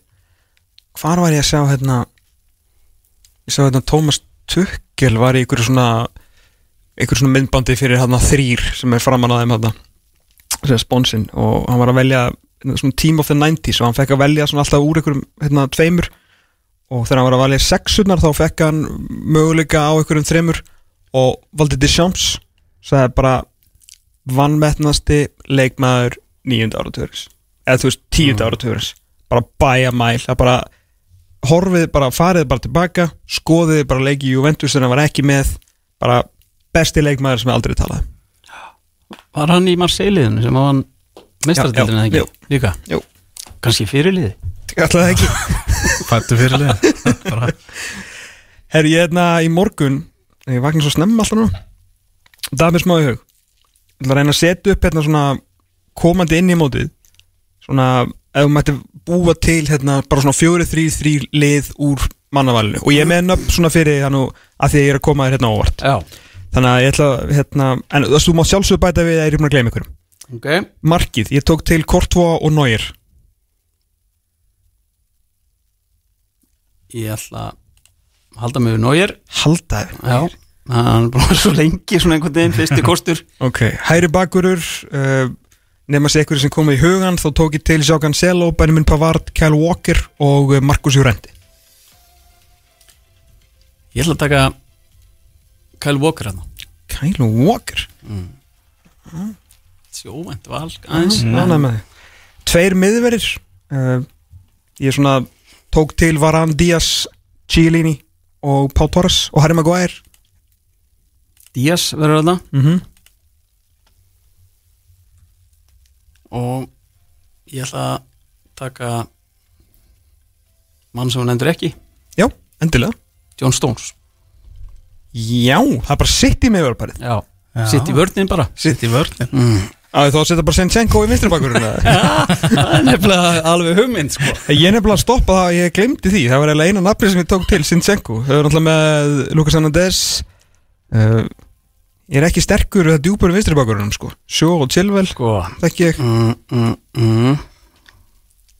Gaia. Þú getur sett Cancelo Já, ég ætla að fara bara í Djá Cancelo. Já, Leon ég- Leon maður um vinstramenn. Ok. Haldandi miðmaður uh, uh, Hvað er maður að segja? En kanti Já, þetta var ekki. Ég var með að uh, Kimmich Verratti sem þetta startaði ekki Rodri og Busquets en þetta er mjög einfalt.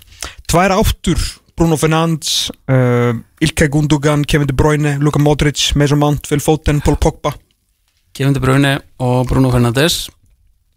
Ég held að þú myndi vinna þetta mót. Ég held ekki að þetta er bara að fara í látt í þessu móti.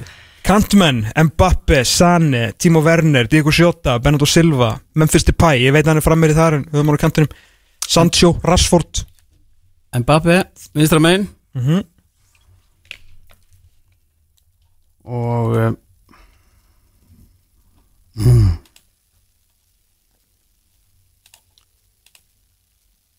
Ég ætla að fara Hann byrjaði ekki leikin í gær mm. En Kiesa á Ítalíu ætla ég að setja að hæra, hæra megin Skemmtilegt Kane, Ronaldo, Lewandowski og Lukaku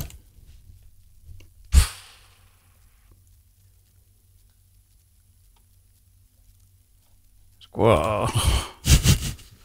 Þetta er nefnilega Sko ef ég ætti bara að velja 1 og 3 mm. þá myndi ég velja Harry Kane. Já, En að Því að ég held að hann muni skora mest á þessum mönnum í mótinu. Mm en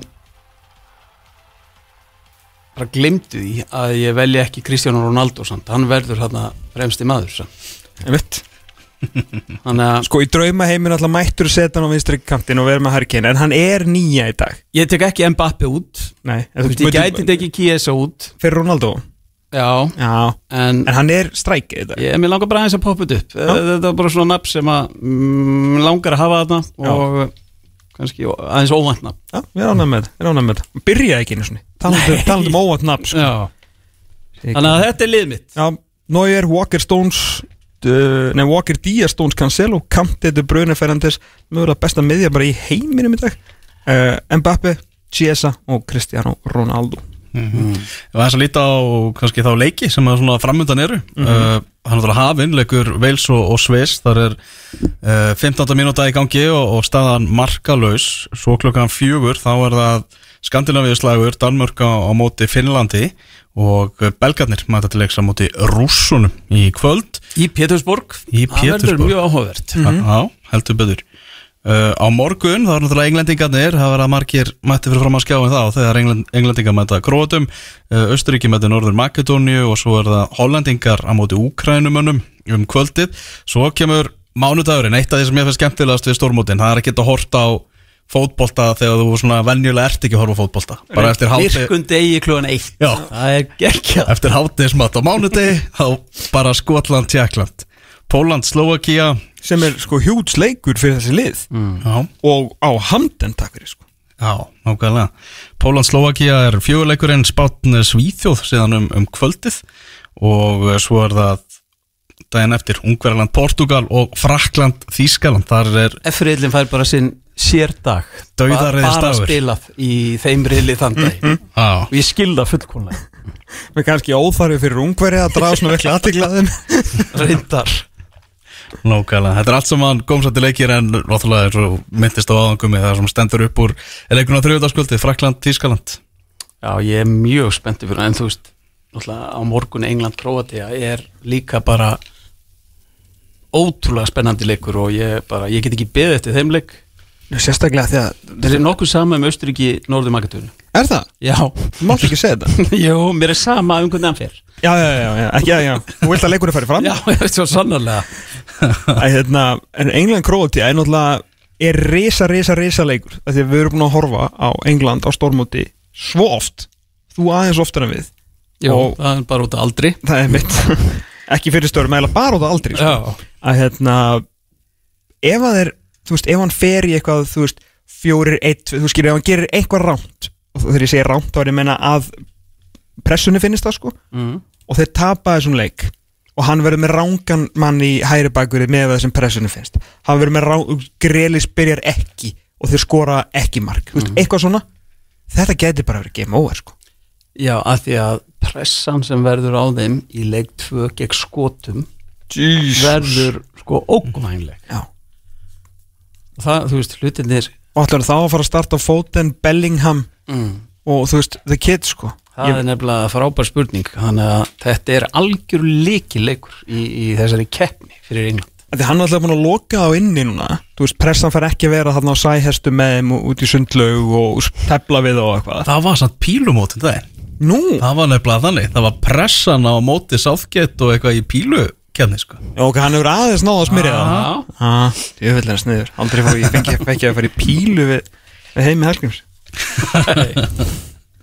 Ok, en, hérna, en þetta er hérna, Mér finnst þetta eins, eiginlega einn stóru opnuleikur fyrir England og bara maður hefur séð langa, langa tíma sko. af því að vonur og vendingar út af Embli, út af þessu liði, út af HM síðast, þetta er, þetta er absolutt hjút sko. Risa, risalegur Eitt á sunnudaginn, morgun þar að segja Fint, Elva verður nýju vagnar Já, heldur betur. Og ég ætla að taka bara alla leikina á morgun Já. Upp í sofa Allir gera líka. Já, það er sammála því, ég ætla að taka smá Pepsi Max í dag, þannig ég missa miðjuleiknum hér. Já, ég ætla að lýsa honum einmitt, ekki, jú, Danmörk, Finnland miðjuleikur dagsins. Já, en uh, herru í Pepsi skemmtilegt þar með Danina, svona rétt á hann slútum þessu að hérna, skemmtileg tilviljun innan geðsalappa að það allt í hennu bara svona verið aflettingar í COVID í Danmarku bara þannig getur komið 20 manns á völlin og left túristum að kaupa bjóra og hendut hvernig pólitíkin stýrir þessu. Þeir kunni þetta alveg. Ha, er að þetta er alltaf svo miklu vísindamenn sem er að sjá um þetta. Svo bara, herru, afsakið, hérna, við þurfum að vinna nokkra fótboltaleiki og selja bjór. Já, herru, það er þetta samstaða innan ríkistjórnarinnar og stjórnar aðstöðunar við ætlum bara að opna allt helviti stressli sko. Þú bara gjör svo vel verður að gera það til að uh, fá stuðning því að uh, þetta er fólkið í landinu Rétt. sem að fer á þessa og horfir á þessa fótbollaleiki þannig að það er eins gott að, að verða við vilja þeirra mm. finnur ekki ekki neitt Nei, en þú veist af hverju ég, ég hugsa að allir hafi sagt Ísland getur ekki neitt fyrir móti 2016 það hefði samt verið raung álíktun að því að við unnum góð fótboltalið Já, en sko finnar það, þú veist, þeir eru að fara í fyrsta skipti mm. Og það er ekki hægt að meta það eða til fjár. Að þú veist, stemmingin eitthvað, það er svo gaman og ég tala ekki um í fyrsta leik Mhm. þá er ekstra gaman hjá öllum. Og finnum finnst ekki leðilt að fá sér það verður, þú veist, landið verður bara það verður á kvolfi þennan fyrsta leik þeirri í stórmóti. Og ég, ég veit ekki. Ég, ég ætla ekki að afskrifa að finna gegn dönum, þú veist. Ég, ég myndi Ég, ef elska ég það þekki sko. finna rétt þá hata þér Dani eins og Íslendingar. Og bara allir sem þekkja Dani. En sko finna alltaf skildu eftir sig hérna sko sögulega lélega Greki Bosníumenn sem eru í fjórasetti Armenia sem eru góði núna akkurat þegar þau þurfum ekki á því að halda og Lichtenstein þannig að þeir voru í, í svona reyli í þægilegum og ég voru í draumareyli fyrir sitt getustig sko. Já, uh, Danir fara ekki undan, þetta er bara böll Vist, þetta já, uh, og hvað? Þeir eru með geðveikan Kristján Eriksen. Æ, Sástu. Kristján Eriksen þegar mætti hérna og stjórnaði umferðinni hérna? Ef Kristján Eriksen fær að spila sinn leik já, og er ekki bara pressaður í drasl allstaðar já, þá, þá verður hann geggjaður. Ok. Þeir eru að fara að spila á heimavelli Mm. Danir, ég, þú veist, þeir var ekki undanlust ég, ég bara hjartalega samanlega þetta takk fyrir það. En Danir eru með þeir eru með góðan þjálfara. Þeir vita hvað þeir eru að gera og ég, þú veist ég er gaman að horfa á Dani danska landslið spila fótbolta þeir, þeir eru góðir í fótbolta en ég vona einilega að þeir ná ekki mjög langt sko. nei, nei, nei. Skulum hafa það alveg á reynu Ég vona að það fari ekki upp á reyðli sko. Það er ekkert eðlilega að held að sjáum þetta- til Já, sjáum til Já, ég er þetta að hjálpa þeim að vera hann Það er, hvað er margir áhörundur í dag? Það er eitthvað lítið í dag Er ekki það er í næsta leik sem að opnar held ég ég bara, ég veit þá eftir. Já, þú tjekkar á þessu, ég ég skal tjekka á þessu. Ég tek fyrir hálfingin árni fyrir hérna, í vikina það er stórleikur, Já, vikingur F á vikingur FH Það er vont þegar Pepsi Max kongurinn veit ekki lengur af Pepsi Max dildinni sko en ég veit alveg svo sannlega af henni og ég mun horfa á hann með öðru augunni á meðan. Já, þetta er alltaf að gerast en, en ég það er ég vond að þetta sé onni Já, það er. En svona er þetta bara. Já, já, þetta er bara lífið. Þetta eru skrifni tímar sem Já. við lifum á. Eins og Þorsteinn Njó sagði við ykkur í gera bara þetta er náttúrulega algjör algjör ólukka að þurfa að horfa á þetta allt saman og, og fá borga fyrir það sko. Það er það, svo sannarlega. Svo voru ekki fólk nú alþingi sem kerst ekki sumafrí að því að það er verið að tala um einhvern hálendistöðkart ég veit ekki svona hvað það er sko. Lesandi ykkur skýslur Herru, ég ekki að halda það mikið lengur. Góð klukkutími, takk um mig fyrir að gefa tíma og koma. Kunum virkilega með það, veitum að tímið þinn er dýrmættur þessa dagana svo sannlega eh, Það er eins og- sko margt verið en þetta, spila, uh, tala fótbolta hérna við ykkur. Já, takk fyrir það. Því. Minnum að að Vil Sviss er farin á stað á Stötu Sport 2 og Stötu Sport EM Þetta komur svo áskipt á bara stötu2.is og með grænatakkanum og svo er líka bara að ringi gumma eða viljið. Eh, er þetta þessu Tveir leikir viðbúið í dag, það eru sérfræðingar fyrir og eftir alla Það bara er endalust dagskrá. Og svo EM í dag klukkan 21.00 Freysi meðan annars held ég Freysi og Rúna Páll. Mótni, til kvölds held ég. Nú var Rúna Páll á hann, verður honum sem skipt út eða er hann með honum í allan dag? uh, Ég verður bara viðkynna, ég veit ekki alveg hvernig planið ég, Mér minnir að Freysi sé fram á kvöld og sé í kvöldtættinum hjá mér síðan klá nýju líka sko. Ok, hver er gestur, svona, er ekki svona öðruvísi gestur kvöldsins? uh, Pálmira Pálmason er alveg öruglega í kvöld og gott eða Þorkell Máni, X, Mr. X sé ekki líka í kvöld. Nú, maður eins og var eins og einn töf Jú. Það er gaman að því. Herru Gumi aftur, takk hjá fyrir komuna. Við ætlum að taka okkur stutt að pásu Skuldum eitthvað af auglýsingum Og svo ætlum við að tala um lengjudeildina Þetta var lagið skuggamyndir, vinnur okkar í, í dimmu hér á ferðinni. Staðan þetta markalaus eftir hálftíma í leik Veils og Sviss. Gummi Ben var að yfirkja okkur, var með okkur í, í góðan klukkutíma, hrættum um EM og, og landslið og ymsapælingar og, og, og skemmtileg heit.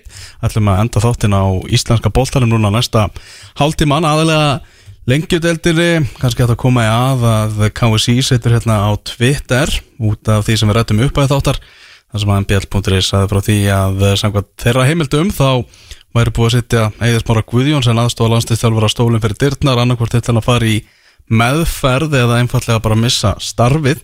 Þar sem að eh, er í dreifingu núna myndband af eh, honum druknum í, í miðbænum. Þá segir hérna KSI á Twitter frá KSI vegna umfjöldunar um aðstofa þjálfur aðlandslýst Karla. Við vitum að málinu erum að afla frekar upplýsinga og skoða næstu skref og munum upplýsa um framhaldið við eh, fyrsta tækifæri. Þannig að það er eina sem ég segja í, í byli um þetta mál, KSI menn. Herri rúna klukkan 2 er breyðablik og fylgir að fara eigast við í Pepsi Max deilt Karla. Blika stillu upp samaliði og sigraði skagamenn í síðustu umferð þannig að það verðist vera þeir hafi komið ágætlega hérna út úr sprautunni. Uh, fylgismenn þeir gera tvær breytingar þar sem þeir uh, Dagurdan Þórálsson og Daði Ólafsson kom inn í liðist af Þórðar Hafþórssonar og Jair en sá, Ha? sá er ekki hóp í dag Já, hann, ok. hann Jair, þannig að vantarlega ykkur meðsli skólastjórin Magnús Þór Jónsson er á vellunum fyrir .net og Yes. yes. textar í sér og hann mun vantarlega komast til bossi því af hverju Jair er ekki með fylgismennum búin að vera frábær í upphafi tímabils mm. -hmm. en með talandu það, leikmenn sem að svona hefur kannski geta bankað á dyrnar að, að komast inn í eh, kostninguna Jair, Já, það er þetta að vera með mann sem að getur skotið svona sent og skotið í áttamarkinu og fyrir alltaf inn. Þannig að vinna ljótumarkakeppna Þau telja líka og sá er búin að vera flottu fyrir fylgismenn Það verður að segjast alveg eins og verð ókvæðlega Hálftími búinn eh, á EM Wales 0, eh, Swiss 0 uh, Ján Sommer búinn að verja einu svona mistralega frá Wales-verjum og það er á lengjadildin.is fyrir 1000 krónur er þetta að eh, versla frábæra útsendingu vestra og aftureldingar. 32 og 30 á klukkunni þar og ennþá marka löst í baráttu heiðaspyrnis og uh, Maggie Ball. Mm Akkurat, þetta er sjötta umferð uh, deildarinnar, sjötta umferð uh, lengjudeildarinnar, við ætlum með að venda okkur næst yfir í lengjudeildina. Og eins og segja, þessi leikur vestra og afturöldingar er rosalega mikilvægur leikur þar sem að þessi lið eru hlið við hlið í, í deildinni, vestramenn eru með 60 einu stíu undan afturöldingu og þrýr tapleikir í röð núna hjá, hjá vestramönnum og uppskeran í Mósarsbænum ekki svona kannski í takt við framistu liðsins hinga til. Nei, náttúrulega stór munur samt á hvað liðin gerðu fyrir tímbilið Vestri startaði nú síðasta leik sem við fórum á hérna beint eftir þáttu fyrir viku síðan með tíu atvinnumenn eða þú veist tíu erlenda leikmenn aðeins einn íslendingur í, í liðinu.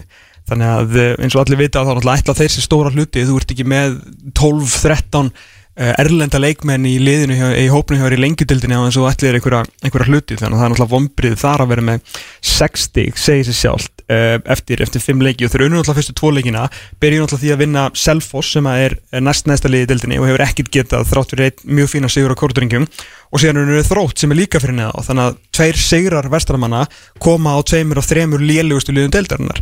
Nú eftir að þeir fóru að spila við aðeins betri fótballtalið hafa er ekki unnið leik þannig að þetta er ekkit eðlilega stór leikur og miklu stærri fyrir heiðarbyrni heldur en nokkuð sem að makka því að þú veist afturhelding, jú, jú, fengi sér hérna 2-3 spánveri eins og er ger alltaf en menn eru held ég tölvert raunsari á hvað svona, á hvað afturhelding getur gett í þessari deild og kannski eru fleiri raunsari á vestraliðið en, en vonir og væntingar þar eru ekki neinu samramið við stigasöfnið sem fyrstu leikjum sko. Mm Þessar umferð líkur á mánudagskvöldi þegar IBVF og Þór Akureyri megast við í, í Vestmannaugum Eh, stóra fréttir frá Þór á, á dögunum þar sem að tilkynnta Alvaro Monteo myndi fara Rosa. frá liðinu hérna við mánaðamótin. Það er eitthvað sem segir með það svona fyrst að það er orðið ljóst bara núna í upphafi að Þórsarar eru ekki að fara að vera í baróttunum það að komast upp úr þessari deild að það sé ástæðan fyrir því að Monteo fara aftur til Spánar. Nei, ég. held að Þórsari geti bara hæglega að sógast í alvöru fallbarátt í sumar. Já, þú ætlar allar leið með þetta þangað. Já. Já, þú veist, ég veit náttúrulega ekki áttum mikið á endanum hversu lélegir þróttarar, selfisingar og ólásingar uh, verða en með þeir eru með sjöstig uh, þeir, eru, þeir, þeir eru ekki nema þremur stigum frá fallseti og þórir ekki eitthvað og ef við tapa í eigum fattar við, að þá eru með tvo sigra í fyrstu, fyrstu sjö umfyrunum þannig að Uh, nei, fyrstu sex umfjörunum þannig að þeir finnst þeir ekki að vera góðir þeir að sér, þeir eru undir að skora, það er gaman í leikjunni þeim, búin að fá sér 12 mörg uh, svona já, ég er bara, þú veist, þeir eru bara ekki, ekki góður held ég sko og, og ef að lang besti fótboltakattin er að fer þá finnst mér ekkert eitthvað útópist að spá því að þeir getur sóast nýri ykkur fallbárati mm Akkurát Förum aðeins í leikina sem að voru á, á 50. kvöldið uh, Byrjum á Selfossi þar sem að framarar halda bara áfram að rúlla yfir sína anstæðinga Fred með tvö mörg í, í fjögur og seri og Albert Hafstensson með eitt og, og Gummi Magg kemur inn á rétt eins og mútið vestra og skorar.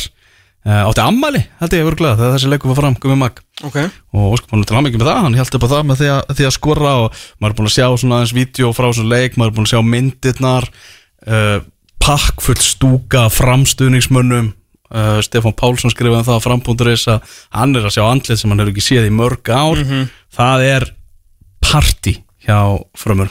Já, ég horfði á hann leik og þeir voru hérna eins og gefur að skilja og loka tölun að segja til um uh, miklu betri ég var svona að reyna að horfa á alla fjóra leikina hann á sama tíma. Uh, og gekk ágætlega. Og þannig að ég reyndar svona fóra reyndar aðeins af þessum leik í setni hálfleiknum þar sem að þetta var náttúrulega leiklokið? Já, leiklokið, voru margfald betri og, og hérna hérna, þarftur að eina sem ég hata þegar sérfræðingarnir mínir svona í sjónvarpi segja eins og ég sagt áður, eins og ég sagði minni síðast á þetta þá ætla ég samt að segja það og ég er búin að segja þetta áður og þetta er bara, það sem málið er með þetta framlið það er bara tilbúið þetta er bara, þeir voru nálátt þessi fyrra þeir hafa verið, þú veist, hérna, uppseflund að vera nár, það er bara svona stöðuleik í klubnum þeir að halda leikmunum, þeir hafa gert vel á leikmannmarkaðan Merlenda, þeir að halda Fred, fá inn Kjálmaklakkan sem er þú veist, virkilega góður uh, fá svona markur sem er góður en með hérna, eitthvað til að sanna sem er Ólafur Ísólm sem bróðin fyrirlið og, og bara flottu leikmaður, bara vel samsettlið og með ungan stráki vinstri bakurinnum sem er svona á svona leiði, á stjörnu leiðinni og með annan hérna ungan uppælinn hæra megin að þú þarft ekki að vera með einhverja ævintýrlega góða bakverði í lengjadöldinni bara nokkuð trösta menn og þeir eru með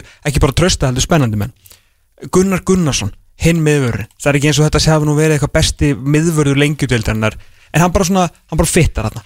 Hann bara er með Kalmaklakkan sem bara svona sér um þetta og Gunnar er bara no nonsense, solid hrikala flottu skrokkur, alltaf verið góðu standi, skilju, og þetta er bara vel samsett, bara eftir þessi fjóri góðir fer fyrir framann, Albert Haftinsson besti leikmann í deildinni leiklega, Fred Stórkostljur Tryggvarsnar Gesson, ungur og spenn þú veist, blandan er svo góð. Þeir þurfi ekki svona mörg frá framir, þó eru búin að skora á mótinu eða? ég meina starting sendir er að skorar ekki nei. en þeir skora ekki minna en þrjú mörg í leik. Ah, þannig að Nonni og Alstedt búin að gera þetta bara frábælega og þeir eru svo lang bestir í þessari deild. Og þeir eru með frábæran leikmannahóp og svo er oft sagt þarna á þess að og, og, sko, nú er sko Gummi Magg hérna komin inn í þetta líka. Sem super sub. Og heru, hann allir ekki, ekki að koma hérna heim til þess að bara koma heim eftir að svona endaði þetta einhvern veginn skringilega hjá Grindavík. Hann allir bara mæta og hyrða stöðuna af Þóri. Þannig að allir kom bara samkeppni líka inn í þetta. Bara langt besta lið. Og ég segir reitt þeir eru einum sigri frá því að jafna metið yfir eh, flesta sigurleiki í byrjun móts í B-deild, í 12-liða deild uh, metið eru sjö sigrar í röð. Heimir Hallgrímsson IPVAF 2008 Já, ok, og, skemmtileg. Og liðið sem vann þá í áttundumferð voru Haukar, Andri Martinsson og, og félagar. En uh, síðan hérna þróttararnir sem sagt, eh, þeir fóru líka í gegnum sex fyrstu leikina án þess að tapa ef ég, eh, Mhm. maður rétt ég var að taka þetta hérna sama fyrir, ég ætla að gefa þér svona smá móla Greg Rætir, Viktor Jónslið hjá þrótti. Mhm. þeir hérna tóku líka, líka sex. En metið, eh, ég var búin að gleyma þessu ævintýralega skagalið. 2011 skaginn tapaði ekki fyrsta leik fyrir henni í 15. umferð. Gary Martin og, og félagar. Herru, þeir fóru í gegnum fyrstu 14 leikina 2011 þre, nei, 15 leikina 14-1-0 áður en að hver mætti? Guðjón Þórðarsson með Tómi Amiobi og klæðna eiginlega fyrir þeim. Hann að, þeir eru, þeir eru á sögurslóðum framarnir, þeir eru svo góður sko. Já, og selfhóðsliðið getur ekkert eins og staðan er einhvern núna. Þeir, ég veit þeir mættu áfjörlega sínum en, en þeir hafa bara verið slagir upp á síkastið og maður var aðeins vann að sjá Gary Martin svona kasta upp höndum og, og vera eitthvað pyrraður skiptum markfur, það var þetta ekki hóp hann Stefán Þannig að Gunnar hann Geir kemur í markið og hann vildi fá aukaspinni í öðru markinu og var ekkert á þetta þannig að áfram halda markverðinir að gefa markinu og, og lýsandi með þess að sagði það. Það var heldur gott, það var einhver hérna, uh, heimamaður að lýsa. Og hérna, bara stóð sér virkilega vel og sagði sko hérna, já ég er náttúrulega eins hlutaræður og hægt er og auðvitað er þetta aukaspinna en það er samt fyrir eitthvað þreitandi að markverður okkar er að gefa mörk í öllum leikum já, nákvæmlega. Þarna, Dín Martin, þjálfari selfisinga Ég er kannski að fara inn á einhverja viðkvæma slóður fyrir marga selfisinga Því hann virðist vera rosalega einhvern veginn bara vinsæll í umkörunu hjá, hjá selfisingum En mín pæling er veist, er staða hans eitthvað örug uh, ég tók þetta saman. Veist, það er ekki mörg á þess að Selfoss var í efstu deild og umræðum að svo bara heyrðu, þeir eru að fara bara með þetta bæjarfélag og, og kraftinn og allt það að fara að vera bara fast Pepsi Max deildarlið eða úrvarsdeildarlið uh, hann tekur við liðinu 2018 í, og þegar hann tekur við á miður tímanbíl þá er liðið í 11. sæti, í fallsæti tveimur stigum frá þremur liðum sem eru fyrir ofan. Í B-dild Já, nei, í, í fyrstu, já í Já, já. uh, Vinna eitt leik eftir að hann tekur við og enda í næsta sæti. Fara sem sagt niður um eitt sæti og falla, Þannig að Björgunar starf hans missefnaðist missefnaðist 2019 spáð upp komast ekki upp. 2020 spáð efsta sæti sigri í deildinni, bara matið er að uh, besta lið deildarinnar. Komast upp, velgjart hjá þeim í öðru sæti deildarinnar. Uh, svo svona þessi slaka byrjun hjá þeim núna á, á tímabilinu þetta er ekkert eitthvað þetta er ekkert svakalegt síðan að Dín Martin tók við sko. Nei, þetta, hérna, alveg rétt eh, En hérna Spurningin er, þú náttúrulega verður aldrei reikin nema vonur og vendingar séu mm, kannski eru vendingarnar ekki meiri á, á Selfossi Nei, finn, finnst þér að það ætti að vera meira það?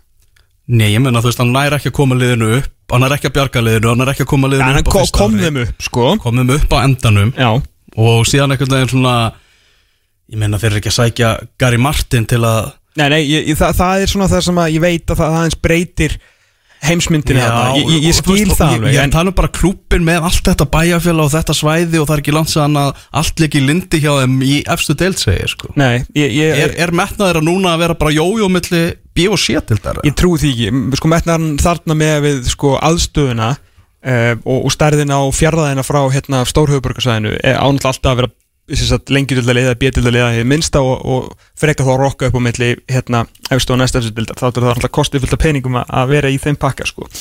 En sko, ef, ef ég verið Dín Martin og ég verið tekin á fund núna eftir hennar leik 4-0 og hérna bara herru þetta hvað segirðu, hvernig hérna akkur vinnum við ekki leiki? Og við erum búin að kaupa hérna handa er uh, Gary Martin, þú er með Gary Martin og, og Tokic. Ég bara ok allt er góðu, þeir eru báðir þú veist 31 ás uh, skilur við Tokic var að skora í, í sétild, núna síðast er hann var að, að var að skora, ég veit hann hefur skorað í efstu deild en hann er orðin eldri og svo snýst þetta líka alltaf um það hvernig ætlar að koma boltanum á bestu kallana hérna. Af því að hvað er síðan fyrir aftan það? Markurinn verið slagur uh, og hann átti náttúrulega ekki breykun að gera þessu leik framvarða bara miklu betri. Daniel þú veist, er hann lengur til að leikmaður mm. þú veist, það gerist oft með þessi lið sem að alveg eins og með lið sem er bara að koma upp úr öllum deildum hversu oft höfum við talað um að eitthvað leikmaður sé bara wow, þú veist, hann bara hann pakkaði saman bjöldildinni, pakkaði saman sétildinni svo kemur hann upp og nú, ok, þú veist, þá er levelið er meira. og hversu oft hefur þú sagt að bilið á milli C og B sé meira heldur á milli B og A? Stærsta bilið. Það er nefnilega stærsta bilið. Daniel Magic hefur ekki verið góður. Uh, svo er bara með fullt af ungum strákun sem, sem er bara flott og ég vona að þeir haldi sæti sinni þegar það eru ungir og spennandi strákar þarna þetta er ekki einhverju gæjar sem er að fara að rulla hérna inn í, inn í yngirlandstíðin En, ég, en maður bjóst við því fyrir nokkrum árum að Selfoss er það á betri stað en þetta á þessum tímapunkti sko. Já, en þá þarf náttúrulega liðið að vera betra já. En þá þarftu kannski líka bara annan stjóra sem er betri talentspottir og betri kaupa elenda leikmenn, ég er alveg sammálað því Sæti hans á að geta verið eitthvað geirnelt Já. með við það að vera hérna í næst neðsta sæti eftir sex leikis með sérstaklega þegar er búið að kaupa hann það Kari Martin Mhm. en að því sögðu þá finnst mér þetta lið ekkert mikið betra heldur en þetta. Ég veit ekki hver- hver er eftir að vera fyrir hérna neða það. Þú Ég þeir eru sá- með jafnmjöl stíð og þróttur. Einu heili leikur sem ég sá og það var þegar unnu kórdrengi voru bara þrjus flott Já, ég veit það, þessna, Já, en já, síðan horfði ég á hérna, ég horfði á hérna uh, svona 50 myndir eða eitthvað á þessum leik og þeir, en þú veist, það er náttúrulega skekkinn alltaf myndir þegar voru spilaði fram sem að, þú veist, þeir átti Já. ekki breyk, sko. Áður við þarna hverju þeirra leik kannski og hitti ég mann sem að þekki nú til í einsta ringja fram og menn svona bak við tjöldin hjá fram skiljanlega eru bara fastir að svona leggja grunna því hvernig þeir munu styrkja liði fyrir efstu deild á næsta ári Já, ég, það er engin rók í því, það er bara skinnsemi og ekki bara skynsefni, það er ekki eins og liði sé að gera þetta að þjálfararnir, það eru mennandi bak við tjöldin skiluru bara haldiði hérna leikmönnum og, og kannski ekki þjálfurinn fyrir utan, allavega leikmönnum fyrir utan mm. bara búið bara til einhvern hóp og hérna, það er náttúrulega leikmenn að reynda samning sjá bara vikingar er nú þegar að fattir að pikka í leikmenn hjá fram og fylki. Þannig að um að gera, fara að gera þetta selja þeim eitthvað koncept, ævintýri í grafurholti ég er búin að sjá á heimasíðinu og fram neðutælarinn ég hefði flyti Já, á fórsíðinu, mér finnst það skemmtilegt sko. Og hérna og, þeir, og númer eitt á blaði hjá þeim með nýja það er strækjar skiljanlega með, með, með við umræðana hjá okkur aðan Já, Herðu, Kortrengir unnu 2-1 sigur á móti gróttu í leik sem að ég var að skrifa um á Dómus Nóa gerfugrasinu þar sem að Davíð Þór Áspjörsson skoraði bæðumur Kortrengja þar á meðal markarna eftir hotspinnu á, í uppbóta tíma, flautumark og segumark í bara svona mjög já, jöfnum leik og, og bara baráttu leik Pétur Theodor Átnásson enn og aftur að að skora. Uh, fyrst vorum að tala um þetta um að Monteo fór í glugg, er að á leiðin í glugganu fyrst að er nokkuð ljóst að þósara sé ekki á leiðin í barátuna með að fara upp, Gústi Gilva segir það að þeir séu bara miðlungslið eins og staðan er núna og, og miða við framistöðuna ég meina, vill þá ekki Pétur Theodor taka setni hlutan frekar í, í Pepsi Max? Jú, ég trú ekki öru að hérna vonandi að hann taki annan síðan þar. Og náttúrulega fekk kannski ekki mörg færi á síðustu leikti og væri mjög gaman að sjá hann í liði þar sem hann fær kannski aðeins úr meira móða því að drengurinn í teig allavega í lengjutildinni er hann jæðra við svindkalli sko. Einmitt. að hann er alveg kortir í svindkall inn í boksi sko. Og, og þessi, þetta markið honum var frábært á mótið Kortrengip sko. Já, og líka fyrra markið sem hann skoraði það var nákvæmlega ekki neitt af því, það var bara hörmuleg mistök hjá eh, hérna, Lukas Jensen í markinu hjá, eh, hjá hann bara ég hitti aðstofadómarna þegar ég var búin að skrifa um leikinu og var að leiðin heim sko. hann vildi meina, hann, hann var alveg pottittur af því að það við leikmaður blokkar að Lukas Jens Nei, ekki Ah, þessu, hann bara hitti ekki boltan og var á- átti eftir að bjarga þeim setni leiknum.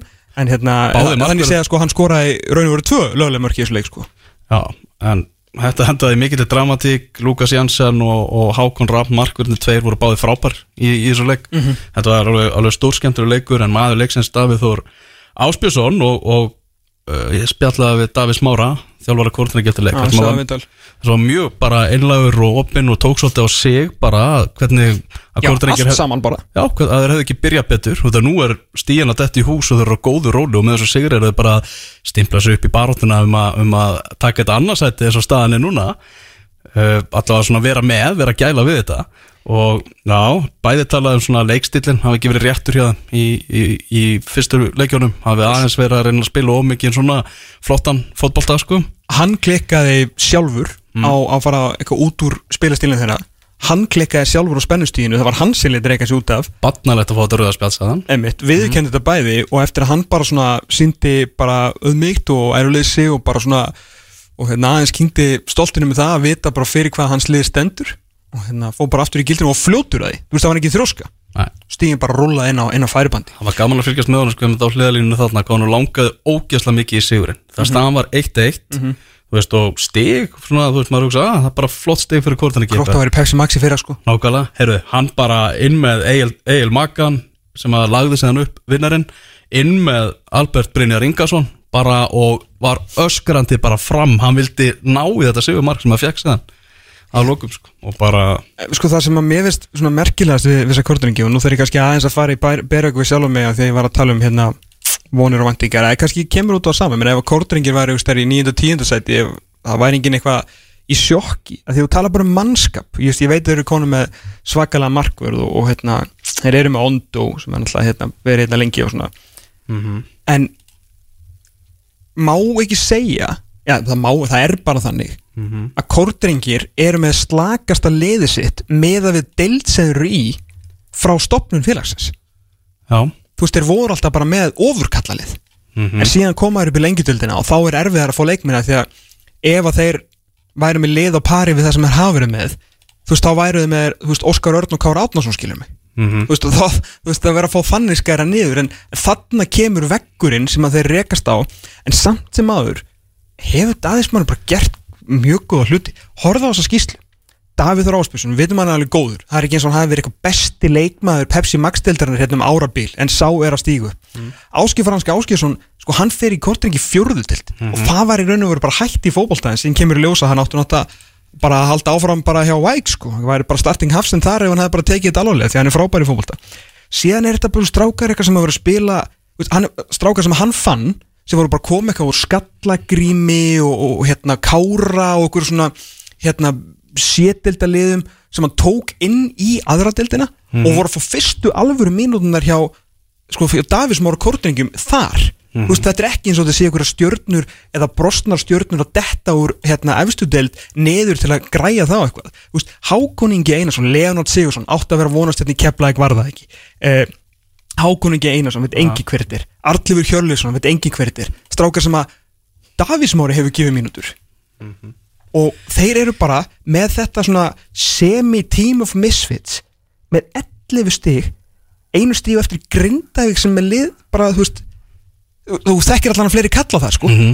Eftir leikinn þá kom þarna hópur af stuðningsmönnum Kortrengi að mér. Og vildu endur nýjan lista með bestu markverði deildarinnar því að þeir var einfallega með besta markverðin í Lukas Jensen. Tökum eftir fyrirumferna hefði tekið rosalega vöslur hérna á móti IPVF og var náttúrulega frábær í þessum leik líka. Var ekki varslan þegar hann Mbagdósi gaf hann tilbaka? Var það ekki 1-1 stuðin eða? Jú, menna, jú, jú. Að tók einn á móti manni og hjælti minni í leiknum og svo skoraði Já, Björn Axel var maður hérna klúraði algjöru döðafæri já, já, já. Þannig að hann En, að en, þú veist að það bara setja smá svona respekt á það sem þeir eru búin að gera því að þeir eru ekki með sam, sömu gæðin með við dild og þeir hafa verið með en samt fyrir ofan liðin svo gróttu íbjöf Þóru og Vestra. Háleikur í leik vestra og afturöldingar og það var flautumark í fyrri háleik og það var Túfa sem að skoraði fyrir vestra.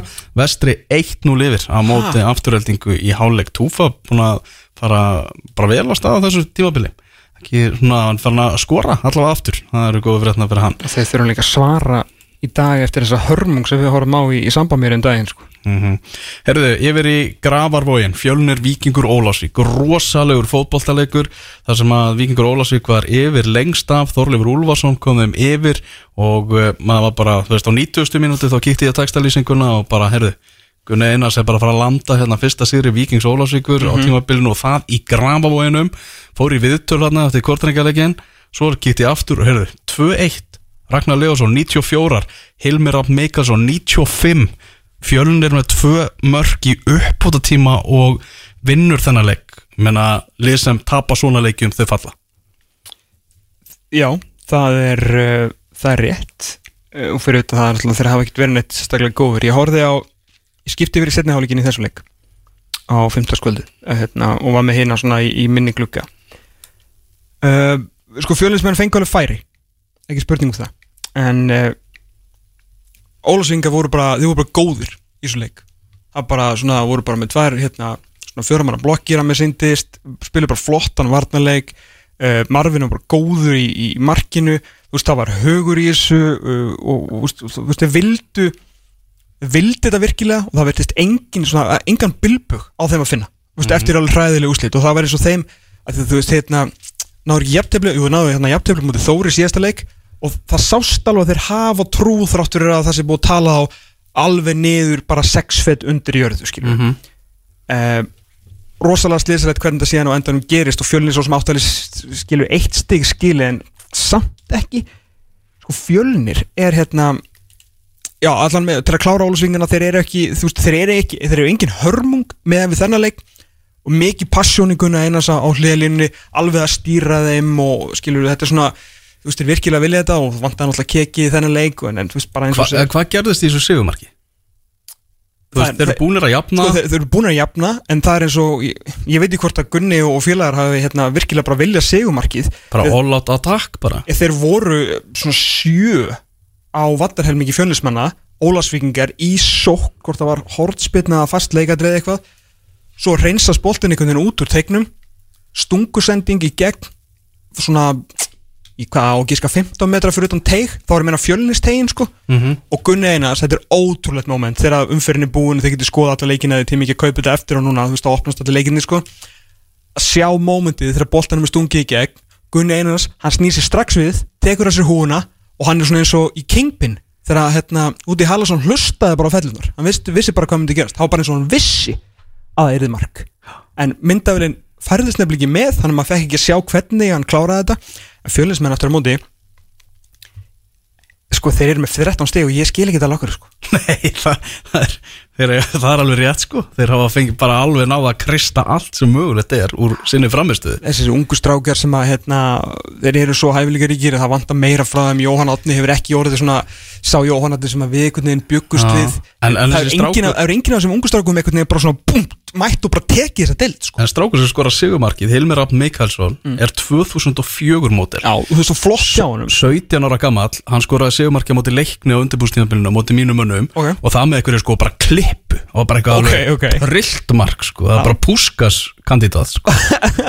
já, hérna, já ég, það, það er, hérna, maður náttúrulega elskar að sjá svona unga menn skora en mér finnst þessi sóknarleikur hjá, hjá fjölni alveg eins og við horfum á upp í Mosó um daginn mér finnst það bara ekki góður mér finnst það bara rosalega fyrirsjáanlegur ofta tíðum rosalega hægur og allt og lítið einhvern veginn af svona einhverju svona einhverjum ævintýrum og, og, og æsku og, svona einhverjum belli bróðum til þess að koma sér fram hjá einu manni og búa til eitthvað pláss eins og maður myndi halda að þessir ungu hafilegar einhver strákar myndi gera sko. Mm og mér finnst ásið veit ekki ennþá svona sitt besta byrjanlið sko Þróttur 2, Grindavík 3 á Eimskips vellinum þar sem að eh, Grindvíkingar náðu endanum að sigla Sigri í höfnu þar sem að Sigur Bjartur uh, skora, kom Grindavík yfir Daði Bergson jafnaði, Ottur Ingi kom Grindavík aftur yfir og Loren Simons skoraði síðan en eh, Sam Ford mingaði munin og uh, settu allir tvo á þennan leik.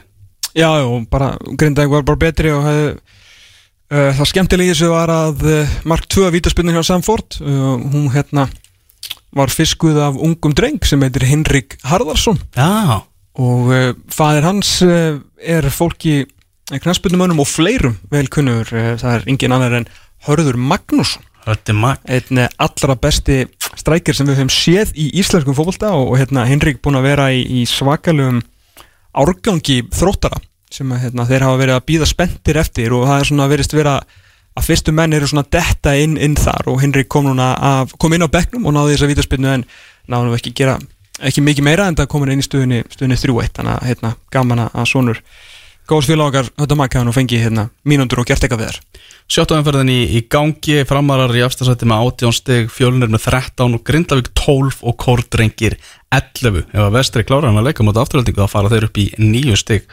Uh, ef við lítum séðan á neðri hlutan, uh, afturhalding með 5 stig í 9. sæti, þróttur í sínu sæti, 10. sæti, það sem endur síðustu tvö tímabil, eru þar með 4 stig eins og Selfos sem er í fallsæti á markatölu, Víkingur Ólasvík með 1 stig. Hann er lengju deltinn en uh, það komið að leiðar lokum hjá okkur. Komið þér herru þú ert ekki næstu helgi? Nei. Eh, Þá ert þú í Vestmanneim Þá er ég að fara til eiga, það er íbjöða fjölnir á föstaskvöldið og svo er hérna Bróðis Brúeri með svona bjórfestival sem að ég ætla að já, vera á alla helgina. Guð verið með þér og þinni lifur góð skemmtuðun minn. Ég verði með Benna Bó eftir 6 dag og 22 tíma. Þanga til verið sæl